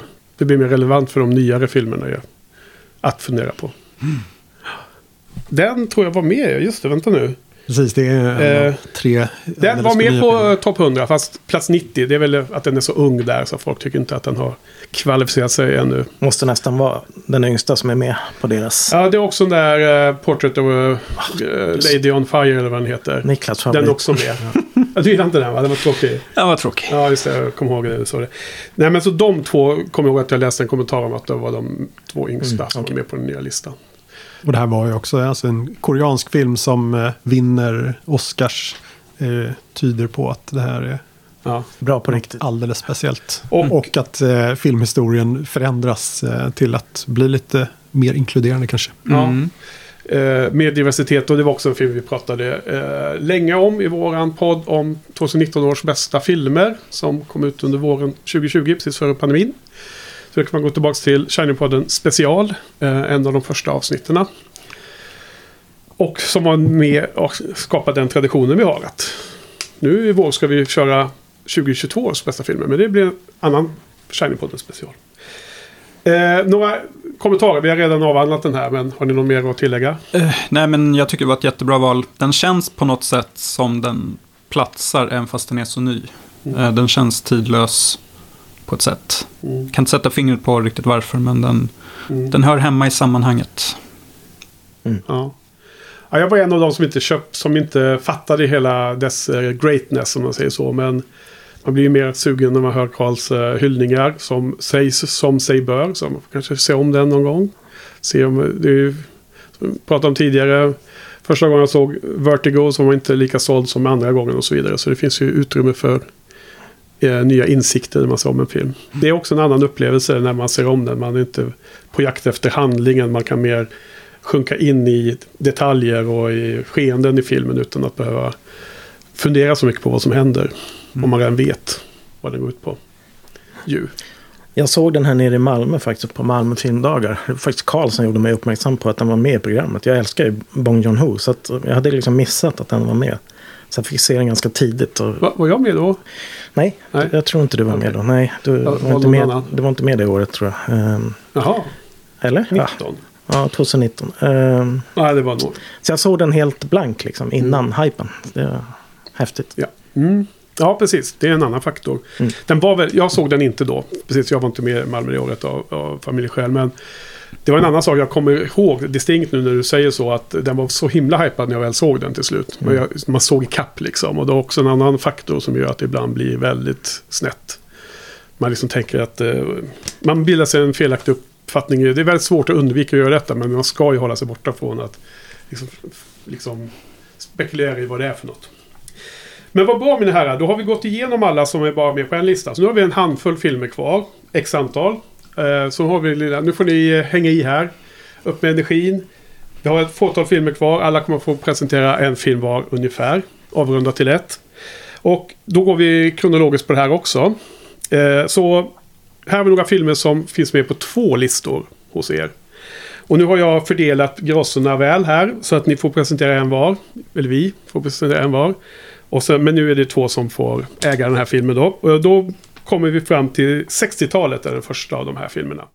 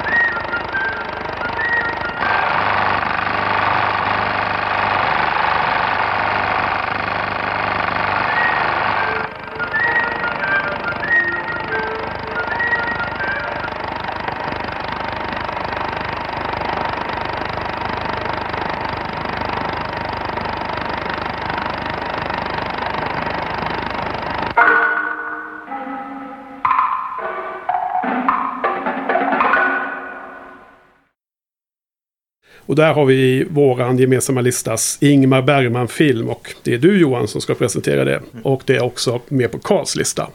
Så det är ni två som har eh, orsaken till att den här kommer så här i slutet. Ja. Så högt upp. Ja, men det är ju lämpligt med tanke på mitt bloggprojekt. där Jag såg alla Bergmans filmer, galet nog. Eh, och det här Persona handlar det om. Och 1966. 66, banbrytande rulle som jag tror har inspirerat många, inklusive David Lynch eh, och, och andra. Både eh, liksom historiemässigt, eh, kammarspelet, fotot, eh, Sven Nykvist. Eh, inledningen som är någon typ av filmpoesi med skum musik. Eh, jag såg den här på, på Cinemateket när den visades och då hade inte jag sett en enda Bergman-film förutom eh, Fanny och Alexander. Och jag var alltså väldigt skeptisk till Bergman. Jag, det är liksom bara trist och svartvitt och ångest. Men så såg jag den här då och det var ju liksom, det var ju något helt annat. Eh, det finns ju hur mycket lag som helst. Eller, eh, de här två, Bibi Andersson och Liv Ullman som... Eh, Liv Ullman har ju slutat prata, hon är skådis, men plötsligt under en scen på teatern så bara slutar de prata. Och Bibi Andersson är ju någon typ av sjuksyster som ska ta hand om henne ute på en ö. Då. Eh, den är inspelad på, på Fårö. Eh, och eh, ja, Bibi Andersson pratar och Liv Ullman lyssnar. Eh, och frågan är, vad händer liksom?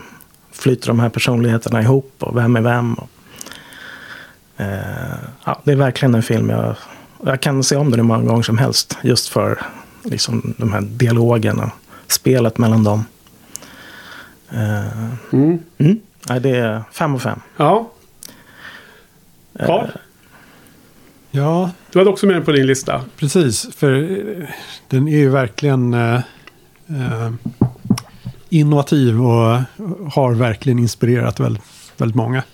Det är massvis med saker som bara briljerar med eh, spektakulärt filmskapande. En favorit är ju att de spelar om någon Just det. scen Just det. och har kameran bara på den ena personens ansikte genom hela scenen. Mm. Och baserat på vem det är man bara ser ansiktet och reaktionerna på så blir det en helt annan betydelse av scenen. Mm. Så det visar verkligen en, en, en förståelse för filmskapandet som eh, ja, gör att han förtjänar all uppmärksamhet som Mm. han eh, har fått genom tiderna. Även om det Även jag när jag såg den var jag också lite skeptisk. Hade bara sett Fanny Alexander och Sjunde enseglet. Och eh, det här är något helt annat. Mm. Inte min favorit Bergman kanske. Gillar nog Smultronstället mer. Men eh, Okej. den är inte lika spektakulär filmmässigt. Så. Ja. Mm. Ja, jag har ju sett väldigt lite Bergman. Pinsamt får man väl säga. Hade nog också bara sett de två som du nämnde. Fanny Alexander och Sjunde inspelet när jag såg den här. Eh, och eh, tycker också det var helt eh, magisk. 5 av 5. Blown away. Men den är inte liksom en hörnsten i min film. Filmvärld liksom på det sättet. Men jag kan ju absolut köpa att den är högt upp. Och den rankar också på 18 plats på listan. Eh, nia dessutom på regissörernas lista. Så att den är väl representerad på listorna där. Du då Niklas, har du sett den? Nej, Nej? Ja. den kan, den är väl värd att se. det låter så. Ja, den är väldigt speciell. Mm. Ja, jag håller med alltid ni beskriver filmkonst verkligen mer. Kanske än en, en straight story, om man säger så. Mm. Eh, med tanke på den filmen. Så det var jättebra val och det var härligt att ni tog den. Då går vi in i 70-talet. Den vi hoppade där ska Karl få presentera. Och det är från, den är med på din lista och den är med på min lista.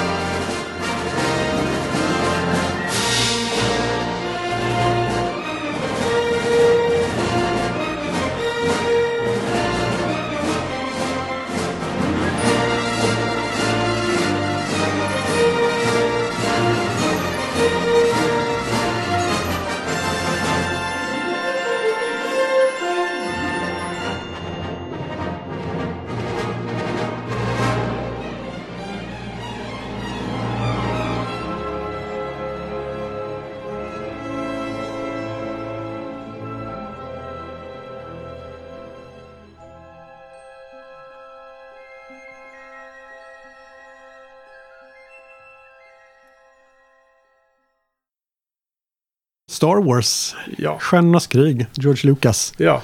Eh, så jag kommer med lite dumrjöns eh, sci-fi fantasy istället för eh, pretto sci-fi som varit med på listorna tidigare. Men eh, som ändå eh, också är eh, något av det mest fantastiska filmskapandet för att man tar någon så här lite småtöntig eh, universum. Eh, om man ser till hur det var porträtterat tidigare. Under 50-tal, sci-fi och allt sånt där.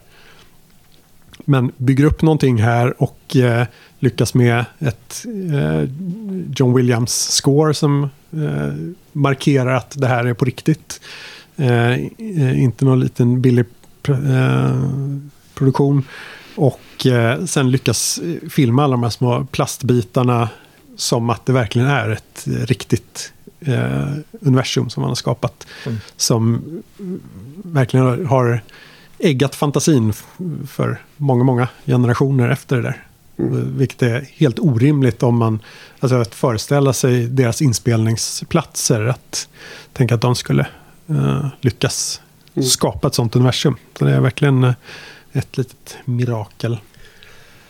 Ja, jag hade också med den. Det, det här är den tredje av fyra hörnstenar i science fiction-basen. Då har vi lämnat jorden, både nutid och framtid, till en annan del av universum. Och det här är ju fantasy. Absolut, det här är ju mer fantasy än, än sci-fi. Förstår man ju när man har sett mer film. Man tyckte att det var sci-fi när man var ung, men det är ju ren fantasy egentligen. Och det var den här som slog ut eh, första Sagan om ringen-filmen då, som var väldigt nära att komma med. Den borde egentligen varit med på Greatest Movies of All Time, tycker jag. Mm. Men jag tyckte Star Wars var ännu mer, bygg, har byggt så mycket, alltså den är så eh, historiskt, eh, ja viktig kan man nästan börja kalla det liksom. Och det är liksom inte för att den har någon viktig sanning att lära ut, utan bara alltså viktig hur, eh, hur betydelsefull och så här. Eh, påverkat hela branschen känns det som. faktiskt. Och jag tycker att, eh, på tal om uppföljare och så, det har ju länge varit så att man har alltid tyckt att eh, Episod 5, eh, den mörka filmen, Empire Strikes Back, är bättre än första. Men när jag har sett om filmerna nu som nuvarande ålder och liksom har sett filmerna många gånger och de är liksom långt in i barndomen liksom. Så har jag börjat inse att den första filmen är fasen svårslagen alltså. Och den är än mer ikonisk på något sätt tycker jag. Så den valde jag också. Ja, har ni sett det Star Wars? Nej. Nej. jo, det har jag gjort. Men jag, jag, ja, jag håller ju med. Eh, även fast jag föredrar eh, Empire Strikes Back. Mm. Och länge tyckte även att eh, Episod 6 var bättre också än 4. Med Ewokerna och Jabba the Hutt. Var Ja, det, är, det, det, det sträcker sig lite för långt. Jag kan köpa att femman kan vara bättre, men Eh, nej, men den är, det är fortfarande kanske... Ja, men genomsyrar ju all populärkultur i princip. mm. På gott och på ont kanske, men ja. Eh, Star Wars är dock inte med. Rankad på de topp 100, så att Nej. det är Hmm. inte på de kritikerna. De har inte Eh, kontakt med verkligheten kanske. Vart Rymdimperiet slår tillbaka och Star Wars. Att Nej, det vart ja, split, kan vara. split the vote. Split, ja, kan vara så. Mm. Mm. Ja, för mig personligen så är jag är inte världens största Star Wars-fan. Eh, jag tycker det är liksom en helt okej saga. Liksom. Eh, och om jag skulle välja mellan Lord of the Rings och, Star Wars så är det ju Sagan om ringen som Mm. första filmen. Absolut, den var med som bubblare. Mm. Eh, Star Wars, nej, inte riktigt. Mm. det är ju roliga filmer. Men, Ja, nej, den, den är högt upp på mina, mina så här favoritfilmer också. Men, men när det gäller greatest film och hur de har påverkat så kände jag att det var, blev ganska bra val. Sen, då går vi vidare. Eh, inte så många filmer kvar nu, men vi har också en kvar från 80-talet att prata om och den ska jag presentera.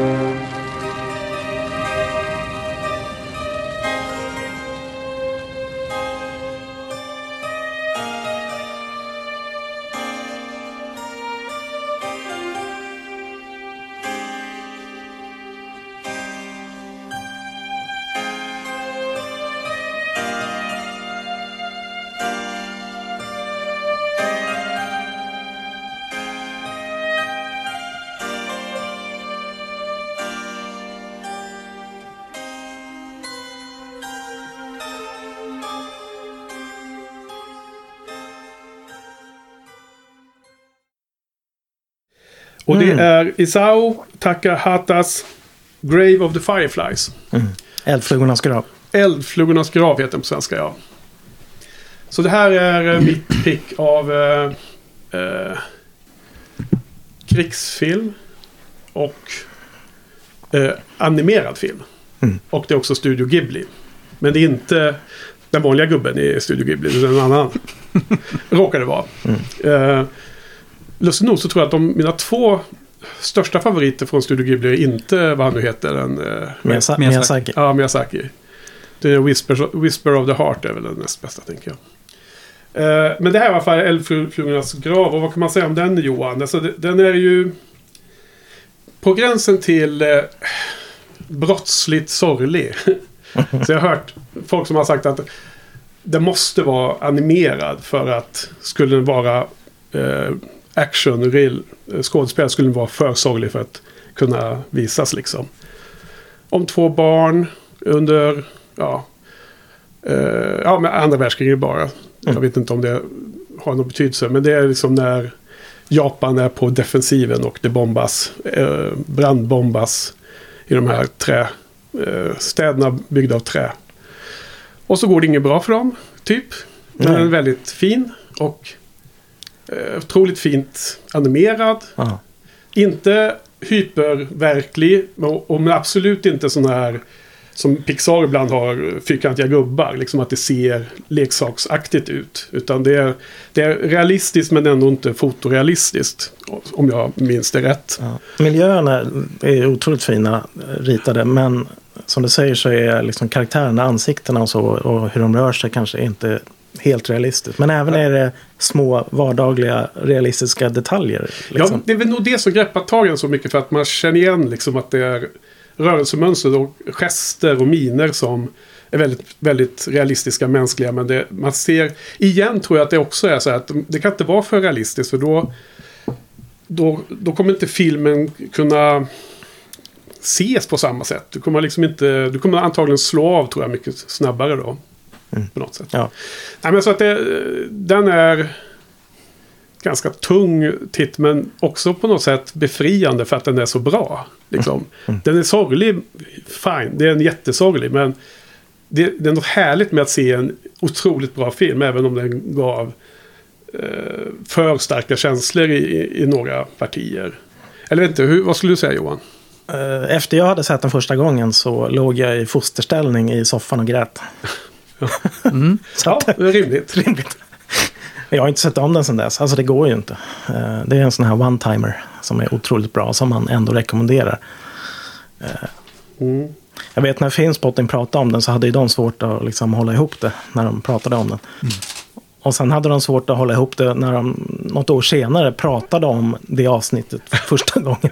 Ja, men när man tänker tillbaka så blir man ju nä, eh, nära till att man blir eh, berörd av sina egna minnen nästan. Liksom. Så att, eh, har ni sett den här filmen eller?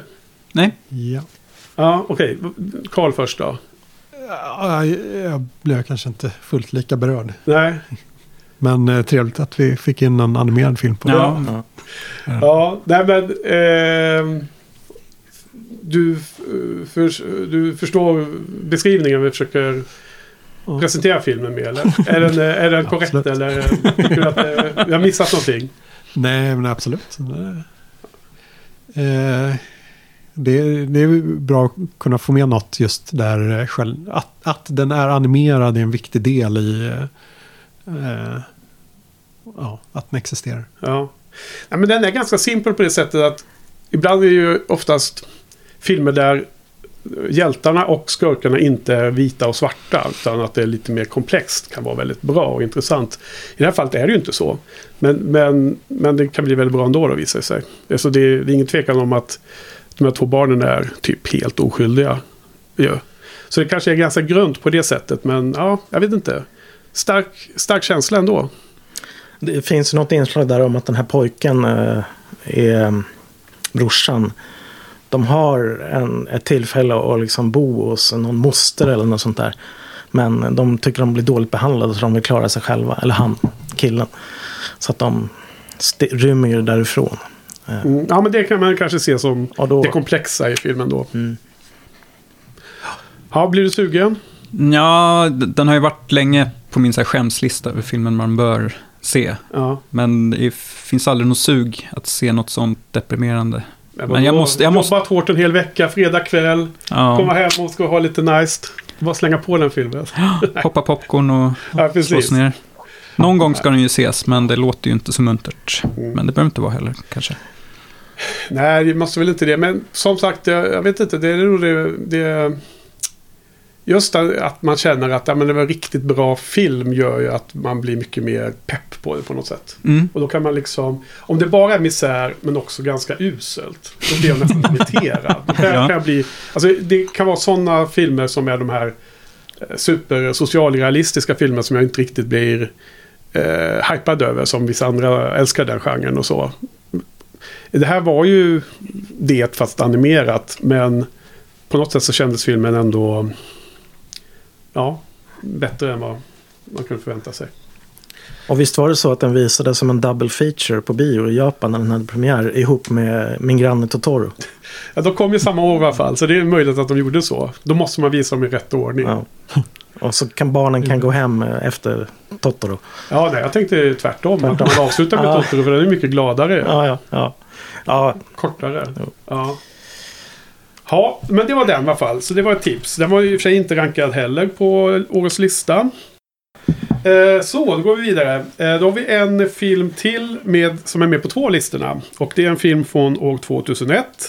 Och det är Niklas som ska presentera den. Och det är också med på Karls lista.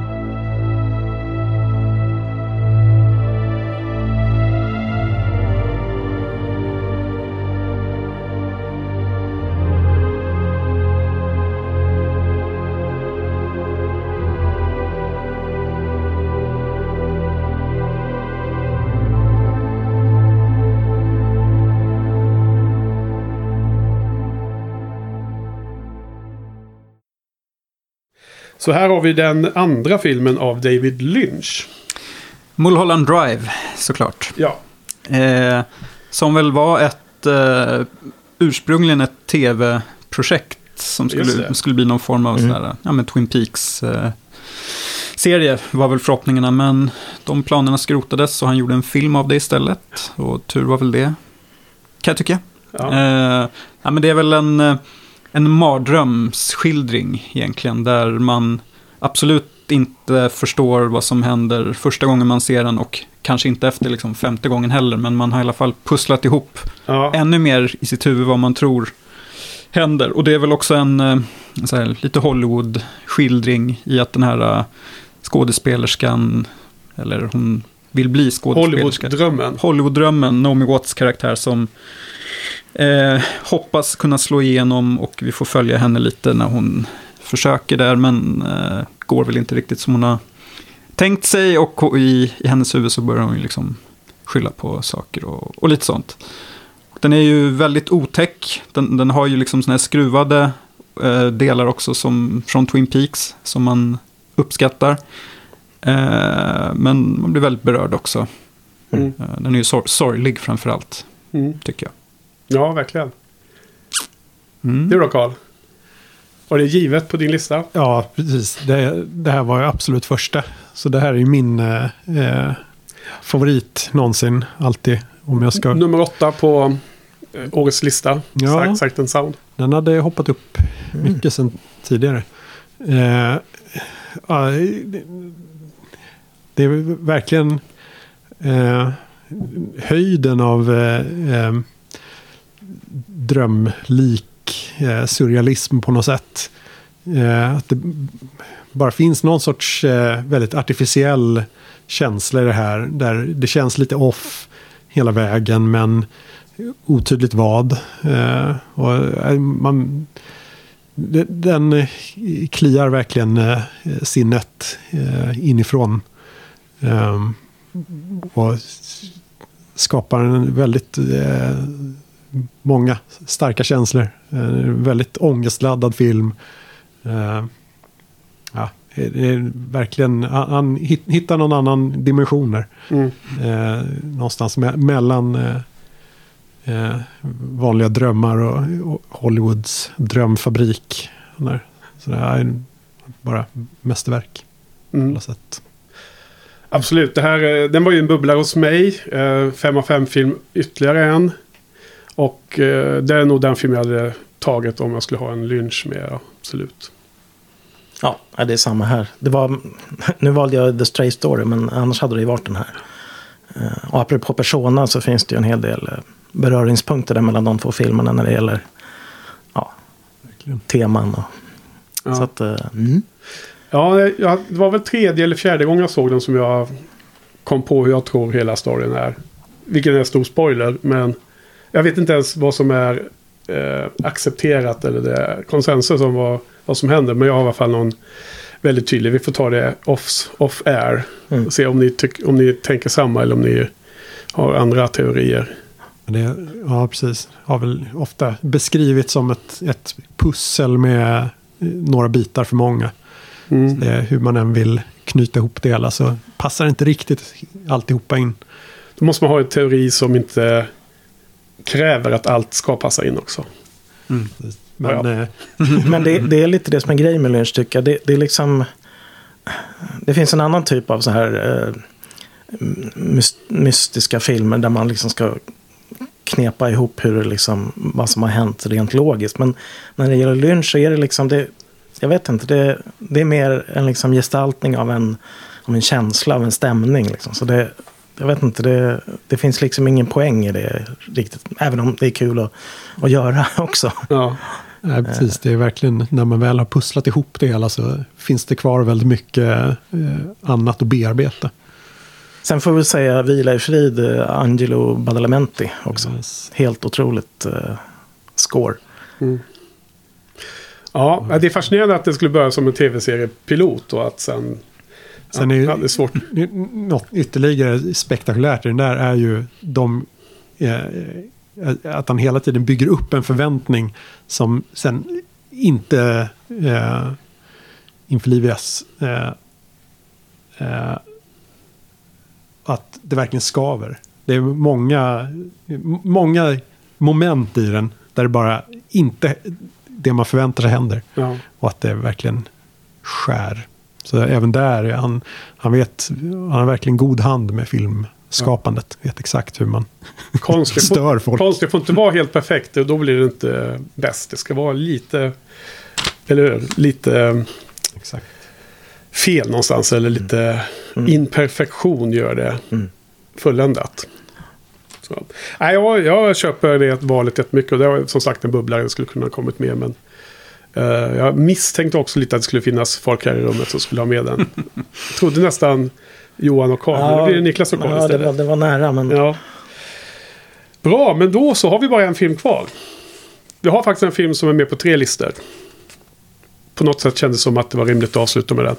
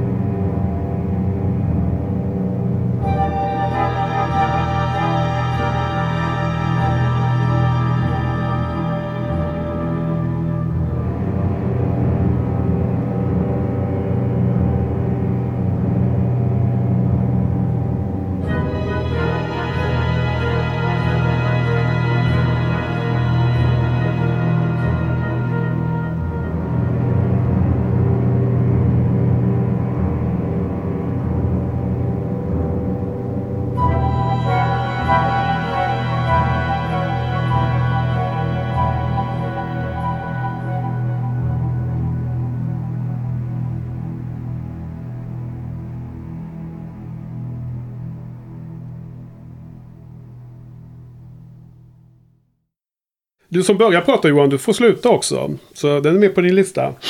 Det är eh, en film från 1979 av Ridley Scott. Alien. Helt otroligt. Första Alien. Ja. Eh, I rymden kan ingen höra dig skrika. Var inte den svenska slogan på den här. Och det här är också en, eh, en föregångare. Eh, just när det gäller den här skildringen av vardagen på, den här, på det här skeppet. Det är liksom skitigt och det är, ja, det är på riktigt på något sätt. De sitter och röker när de käkar mat. Sen får de det här nödanropet och, ska ner och utforska eh, här, ja, den här planeten och vad det är för anrop. Eh, och det är liksom även en... Eh, jag hade ju eh, en ambition att ha med mm, flera genrer. Ehm, och då hade jag ju skräck som en genre. Och nu får jag, det här får bli liksom den representanten. Mm. Så det är ju en science fiction skräckis. sen har vi ju en klassisk badass tjej då i form av Ripley. Sigourney Weaver. Som, jag vet inte, hade man sett henne i något tidigare? Oklart. Undrar om inte det var hennes debut eller något sånt där. Mm. Och här har vi även en android som är med. som spelas av Ian Holm. Allas vår Bilbo. Mm. där har vi också en sån här rejält obehaglig scen när, när han, nu är det här spoiler då. För att vi vet ju inte om att han är en android från början. men när han blir så att säga, avslöjad. Ja. En film som är nästan 45 år gammal så man får väl anta att folk har haft tid att se den. Mm. De, de som var sugna. Ja. Mm. Eh, precis som The Matrix är det här, det här är en film som jag ser om ofta. Ja.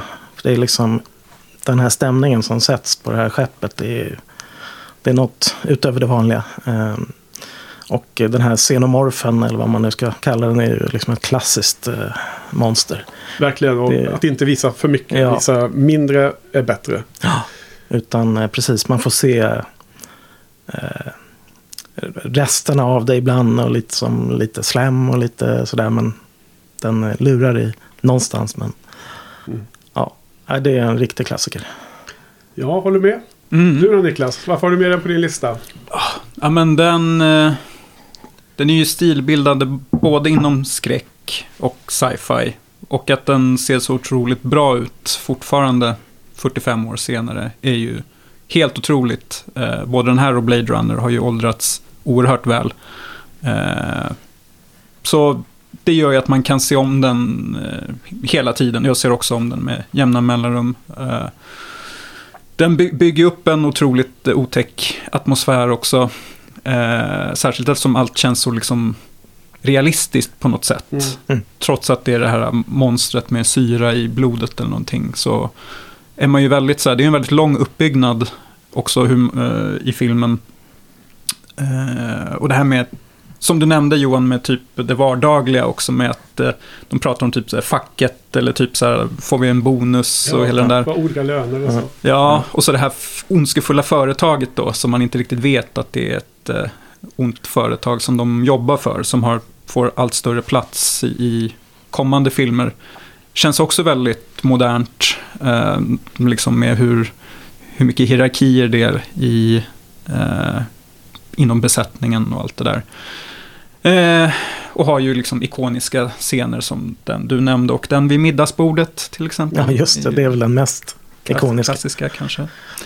Så det här är, det var den första filmen som jag satte på min lista. Mm. Eh, och eh, den, ja, den mest givna ja. för mig. Det, var, det här var ju supergivet för mig också då. Jag har ju den... Eh, det är den fjärde hörnstenen av science fiction. Det var ju framtiden och realistiskt ute i rymden. Om Star Wars var fantasy-varianten av framtiden. Mm. Och Blade Runner och 2001 är på något sätt här och nu lite mer Uh, nej men så Alien också uh, gjorde ju någon... Det var ju ett orimligt projekt men gjorde någon sån här topp 100 på min blogglista då, nummer ett. Mm. Den känns ju som den som jag numera ofta säger, eller tänker mig skulle vara ettan. Eh, det orimliga eh, som jag menar är att när jag går in och kollar på min egen topp 100-lista så håller jag inte alls med om den längre. Det ändras ju hela tiden. Så att det är nästan bara dumt att sätta det på pränt eftersom den är så kort livslängd på en sån lista. Det är ett snapshot. Så att... Ja, det blir ett sna snapshot, ja precis. Och, och hur fasen gör man en sån lista ens? Det, ja. Eh, nej men eh, Alien är ju stilbildande och allt det där som ni har sagt redan och så. Och, eh, också skräckelement i det som jag håller med om. Där kan man täcka in lite. Uh, ja men den här klaustrofobiska känslan uh, som uh, Ridley Scott skapade med att vara ett asshole mot, mot skådespelarna. Hålla dem stressade och utmattade och oinformerade. Uh, men liksom sen dialogen och karaktärerna är liksom så himla bra. Och det är, inte, det är inte bara fokus på ett monster eller bara fokus Nej. på en, en spänningsmoment. Utan det är liksom en, en hel... eh, En värld man kommer in i som man köper in på. För att det, allting är eh, så re realistiskt som man, man, man tror på det. Liksom. Och då blir det desto mer spännande också.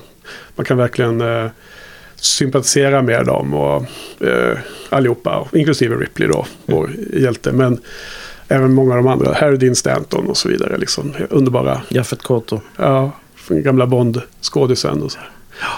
Sen har vi ju även det här klassiska skräckelementet då med en efter en i ett gäng som Mm. går åt. Ja. Precis. Eh, Det var väl också, jag vet inte om det var första gången, men eh, just den grejen är ju återkommande sen. Ja, men istället för att säga gå inte ner i källaren så är det kryp inte upp i eh, ventilationstrumman. Men de var, ja, de var väl ändå rätt smarta. Alltså det här med eldkastare i trumman och stänga in monstret. Och, så mycket. Ja. nej, Eh, Men sen har jag också tyckt att Aliens kan jag ofta tycka är en mer underhållande film på många sätt och vis. Som är så jäkla häftig action slash Space Marines film. Men eh, nu var det the greatest movies of all time och då är liksom Alien verkligen över, långt över Aliens. James Camerons Mm. uppföljare. Mm. Ja, Carl. Vad, vad tycker du om Alien? Var den nära din lista eller? Nej, det skulle jag aldrig, aldrig leta Nej. sig in. För det, det, Det är krävs som inte- Arrival igen. Nej, men det, det krävs ju inte bara att det är en, eh, en viktig film så, utan man måste ju tycka om den också. Mm. Där fallerar väl det, det här. det är en Ridley. Scott är inte för mig. Nej, Den här genren är inte heller för mig. Men eh, det är verkligen en stilbildande klassiker. Ja. Ja, men det var filmerna vi har samlat på oss. Och eh, det är lite lustigt där. Vi, vi har ju nämnt några namn här. Sådana som man tänker sig kanske skulle poppa upp. Alltså vi har ingen Denis Villeneuve. Det chockerar. Det är lite så, ja. Men, men igen. Han har mest varit aktiv de senaste tio åren. Ungefär. Så det känns som att det kan vara en faktor. Men vi har heller ingen Scorsese. Ingen favorit hos mig. Men jag vet att många i film... Eh, kretsar tycker att det, han är viktig va? Eller P.T. Anderson. Ingen Wes Anderson heller för den delen. Nej, det förstår jag däremot. Ja. Eh, Magnolia var ju oerhört nära Okej. att komma Ja. med. Den, den var plats 11-12 eller något sånt där. Aha, ja. Eh, Men eh, ja, det, det föll. ja. Magnolia föll på målsnöret. Vi får se, vad har vi mer som vi har... Vi har en svensk film med. Vi har ingen James Bond-film. Se där. Ja, det känns, känns väl inte... Ingen MCU heller. Otroligt. Inga, ingen western. Ingen Kurosawa. Men apropå western så är väl eh, The Searchers chockerande högt upp på Sight and Sound-listan. Ja, men det är ju en komplex film. Ja. Gravt eh, kritiserbar med tanke på eh, rasism och synen på indianer och sånt. Men på något sätt har den blivit omvärderad i USA verkar det som. ja, för den ligger väl på topp 20 någonstans. Ja. Jag för mig. Ingen Coens heller va? Nej, det är, är... Det är svårt att säga att de eh, har gjort något verkligen viktigt, skulle jag säga. Men eh, ifall det var en personlig favoritlista så. De har ju liksom, Ja. de har gjort för många filmer nästan. Det blir som att det är ingen som Sticker ut. sticker ut då riktigt. Jag vet inte. Ja, och vilken skulle man välja i så fall? Är det No Country for Old Men eller vilken är det som är deras Magnum Opus Det är, stora storverk? ja, Big Lebowski. Big Lebowski, precis. Vill Om man ska ha en komedi så hade den Fargo. varit... Fargo har för mig är ganska högt upp placerad va? Ja, så kan det vara, men känns ändå inte... Barton Fink är Mm. väl den som eh, också skulle kunna vara mest... På regissörernas lista. Ja, precis. Fi- Film om film. Okej, jag lovar att ni skulle få säga era bubblare lite. Jag, jag kan rassla igenom mina då. Vi har nämnt många. Eh, komedier har jag redan nämnt. Ehm, eh, Dirty Rotten Scoundrels hette ju Rivierans guldgossar från 80-talet. Den var ju den komedin som kanske låg närmast här. Men jag skulle säga att eh, dels hade jag ju den här David Lean-filmen från eh, 45, eh, Brief Encounter, som är otroligt bra, eh, ren drama, eh, kärleksdrama, som är... Eh, eh, men det kändes som att jag hade sett den lite för sent och var inte riktigt eh, tillräckligt... Eh, levt med den tillräckligt länge i huvudet. Sen eh, var det med, ni har nämnt Persona. Eh, True Romance The Matrix hade jag med här Johan. Mm. Eh, Lord of the Rings, Mulholland Drive. Just det, två filmer som vi inte har nämnt som jag skulle vilja lyfta. Jag var väldigt nära att ta med något av Richard Linklater ändå. Och jag tänker, för han har gjort det här unika att nästan alla hans filmer handlar om tid på något sätt. Han har den här Before eh, Sunset som är då den andra filmen. Tycker jag är bäst. Där han gör en film av samma karaktärer med nio år emellan. Han har gjort tre hittills. Han har ju Boyhood om uppväxt som är filmade under vad är det, 12 år eller något sånt där. Och han har fler filmer i samma eh, genre. Så jag tycker att han är så um, unik på något sätt. Men det kanske är mer en lista av intressanta regissörer. Så att den föll ut. Och sen den eh, yngsta filmen som jag potentiellt sett skulle kunna haft med. Det är ju Tony Erdman. Bara, bara, för dess, att den var så unik. Ja. Men den är också för ung för att komma in på min lista. Så det var de som var när, kanske närmast att ramla in då. Some Like It Hot har jag redan nämnt. Så den älskar jag också. Någon annan? Niklas, Eh, du? Ja, det var nog mest att jag ville få in lite olika regissörer som har varit viktiga för mig. Men ja, Paul Verhoeven och David Cronenberg har ju, det är ju skräck och sci-fi som de har gjort och det, det fanns så mycket sånt på listan redan. Ja. Ehm, lekte med tanken att ta in typ någon Disney-film från uppväxten, typ Lejonkungen eller Skönheten och odjuret. Bara Ja. för att bryta av med någonting, men eh, höll inte hela vägen. Och sen tänkte jag lite om jag Du var skulle... inte stark nog där. Inte starkt nog. Ehm, och så funderade jag lite om jag skulle ta en lite äldre film, att ta 12 Angry Men, heter, Ja, eller, eller, just det. heter den 10 Angry Men eller 12? 12. 12. Och även Sunset Boulevard var lite Mm. nära där. För Ja. den, men den såg jag ganska nyligen. Men den kändes otroligt eh, modern trots att den var så gammal. Och det var inte dags för din close-up ännu. Nej. Slutscenen där. Ja, men det är bra. Eh, 12 Angry Men hade jag också med på min bruttolista en gång i tiden. Innan den blev kortare. Någon som har några bubblare att bjuda på? Ja, eh, apropå det här med skräck så hade lekte jag med tanken som Niklas sa att ha med eh, Night of the Living Dead eh, Mm. från 68. Ja, Okej. Romeros. Första filmen, svart, svartvita. Svartvit zombiefilm, första liksom, eh, zombiefilmen av det slaget skulle jag tro. Där de är, inte är liksom voodoo-zombies utan de är, Mm, de är döda som blivit levande. precis, den såg jag under decennier. Den var ju ganska intressant. Sannoliken en, ett frö va, till, en, till en hel sub, subgenre på ja. något sätt. Ja. Så på det sättet kanske den borde varit med på något. Mm. Sunset Boulevard eh, eh, ja, han- tänkte jag som en film representant eh, Jag flykte från New York också. Mm. Eh, Din Carpenter. ja, det var väl ungefär det. Ja. Sen hade jag massor med bubblor som vi redan har nämnt. Men Mm. Karl, har du några som du hade svårt att välja bort? Jag var väldigt nära att langa in järntrean, Kim Kiduk. Just det, den har du pratat eh, om någon gång tror jag. Ja, den är ju fantastisk och eh, var viktig för mig personligen kanske att trigga mitt filmintresse. Men eh, kanske inte filmhistoriskt viktig på det sättet. Eh, då fick Bong Joon-Ho representera hela koreanska vågen. Eh, med animerad film var jag sugen på eh, Paprika, eh, Satoshi Mm. Kon. Eh, den är eh, klart Vilket år är den på? 97 kanske? Nej, eller? nej, 2000-talet tror jag. Ja, det det tror jag också. Jag, tror, eh, jag föredrar ju Perfect Blue. Som jag tror det är från 97. så är det. Mm. Men annars, eh, något av Howard Hawks Big Sleep eh, fanns ju med i funderingarna. Men eh, där föll bort. Mm. Ehm, annars, jag var lite sugen på eh, De Palma också. Eh, Body Double. Eh, just, Brian De Palma. ja, för, Istället för Hitchcock. Ska, ska, Precis, istället för Hitchcock. Mannen. Ja, precis. För han...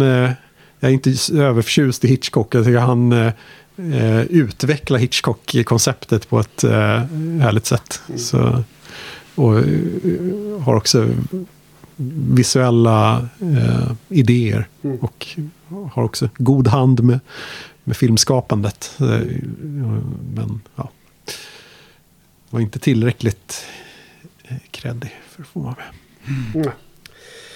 Ja, vi hade som sagt några filmer eh, som var dubbletter och en trippel. Och i övrigt så har jag kollat lite snabbt på vilka regissörer som är med oftast. Och eh, förutom de här dubbletterna som blir givet då. Som Bergmans Persona var ju med på två listor. Så, men det var ju bara en film. Sådana som har mer, fler filmer är ju Stanley Kubrick då. då. Och eh, Cop- Francis Ford Coppola också. Och Ridley Scott. Med Alien och Blade Runner. Vilka har vi mer som har med dubbletter här? Eh, är det någon mer? Jo, David Lynch har med två filmer. För att du valde The Straight Story. Eh, och har vi någon mer? Eldflugornas grav, eh, regissören. Är han med på två? Ja, vi hade ju med bägge. Jo, men eh, antal filmer. Ja, antal filmer, okej. Nej. Eh, ja, så det var några i alla fall. Som, Billy Wilder förekom eh, med två olika filmer som bubblare och en på listan. ja, Alltid något. precis. Han, eh, han ska ju hyllas. Med rätta. Men det var inte så många kvinnliga regissörer här. Jämför med hur eh, Men Carl, officiella listan... skulle ju inte ta upp det där. Eh, nej, det är, det är ju eh, syskonen, systrarna Wa- Wachowski. Ja. The Matrix i så fall. Hur man nu ser på det. Mm. Eh, de var bröder då de gjorde filmen. Men, Nej, La, Lana och Lilly heter de väl. och hur är det? Lana har slutat göra film eller? Vem är det? Eller den andra? Ja, jag tror det är Lilly. Okej. Så att, Tagit en paus i alla fall. Matrix 4 var gjord av bara en. Mm, av dem. Det är väl det enda vi har. Vi har Ja. viss spridning, eh, mest engelskspråkig men ganska mycket asiatiskt ändå. Har vi. Just det, ytterligare någon som jag övervägde som bubblare var något av eh, Abbas Kiarostami. Ja. Mm. Något från Iran hade varit bra. Mm. Mm. Och det är ett speciellt filmland. Ja. Bra, vad kul! Jag tycker det var roligt. eh, Ett litet extra program här med anledning av denna lista. Får vi se hur det ser ut om tio år. Om eh, Jean Dielman eller vad han nu hette den filmen eh, fortfarande är nummer ett. Eller om det har släppts någon ny fin utgåva på någon annan film som, som hyllas och ses av alla. Det var en bra förklaringsmodell du hade där. För det var en ganska stor överraskning att det bara dök upp en film som man typ aldrig hade hört namnet på. Eh, som nummer ett där. Det var en eh, surpris. Ehm, ja, vad säger ni? Några avslutande ord här. Det var roligt. Ehm, var lite rädd inledningsvis att eh, all, mina blockbuster-filmer skulle, inte skulle mottas med någon större entusiasm. Men jag tyckte ändå att jag fick bra gehör. Mycket bra filmer. Ja, Ja. tack. Du valde ju min eh, favoritfilm som jag brukar säga att jag har. Ja, Också. men precis. Någon, Apocalypse Now. någon ska göra det också. Och eh, är det någon lyssnare som inte sett jättemycket film och som vill ha bra tips så tror jag dina filmval ligger bra till som kan gå hem i stugorna. Mm. Det, men vi har ju en viss bredd här. Och just det, från 1922 till, 200, till 2019 så är det nästan 100 års spann på våra filmer gemensamt. En resa genom filmhistorien. Ja. ja, men då säger vi så. Tackar för att ni har lyssnat. Och på återhörande. Adjö.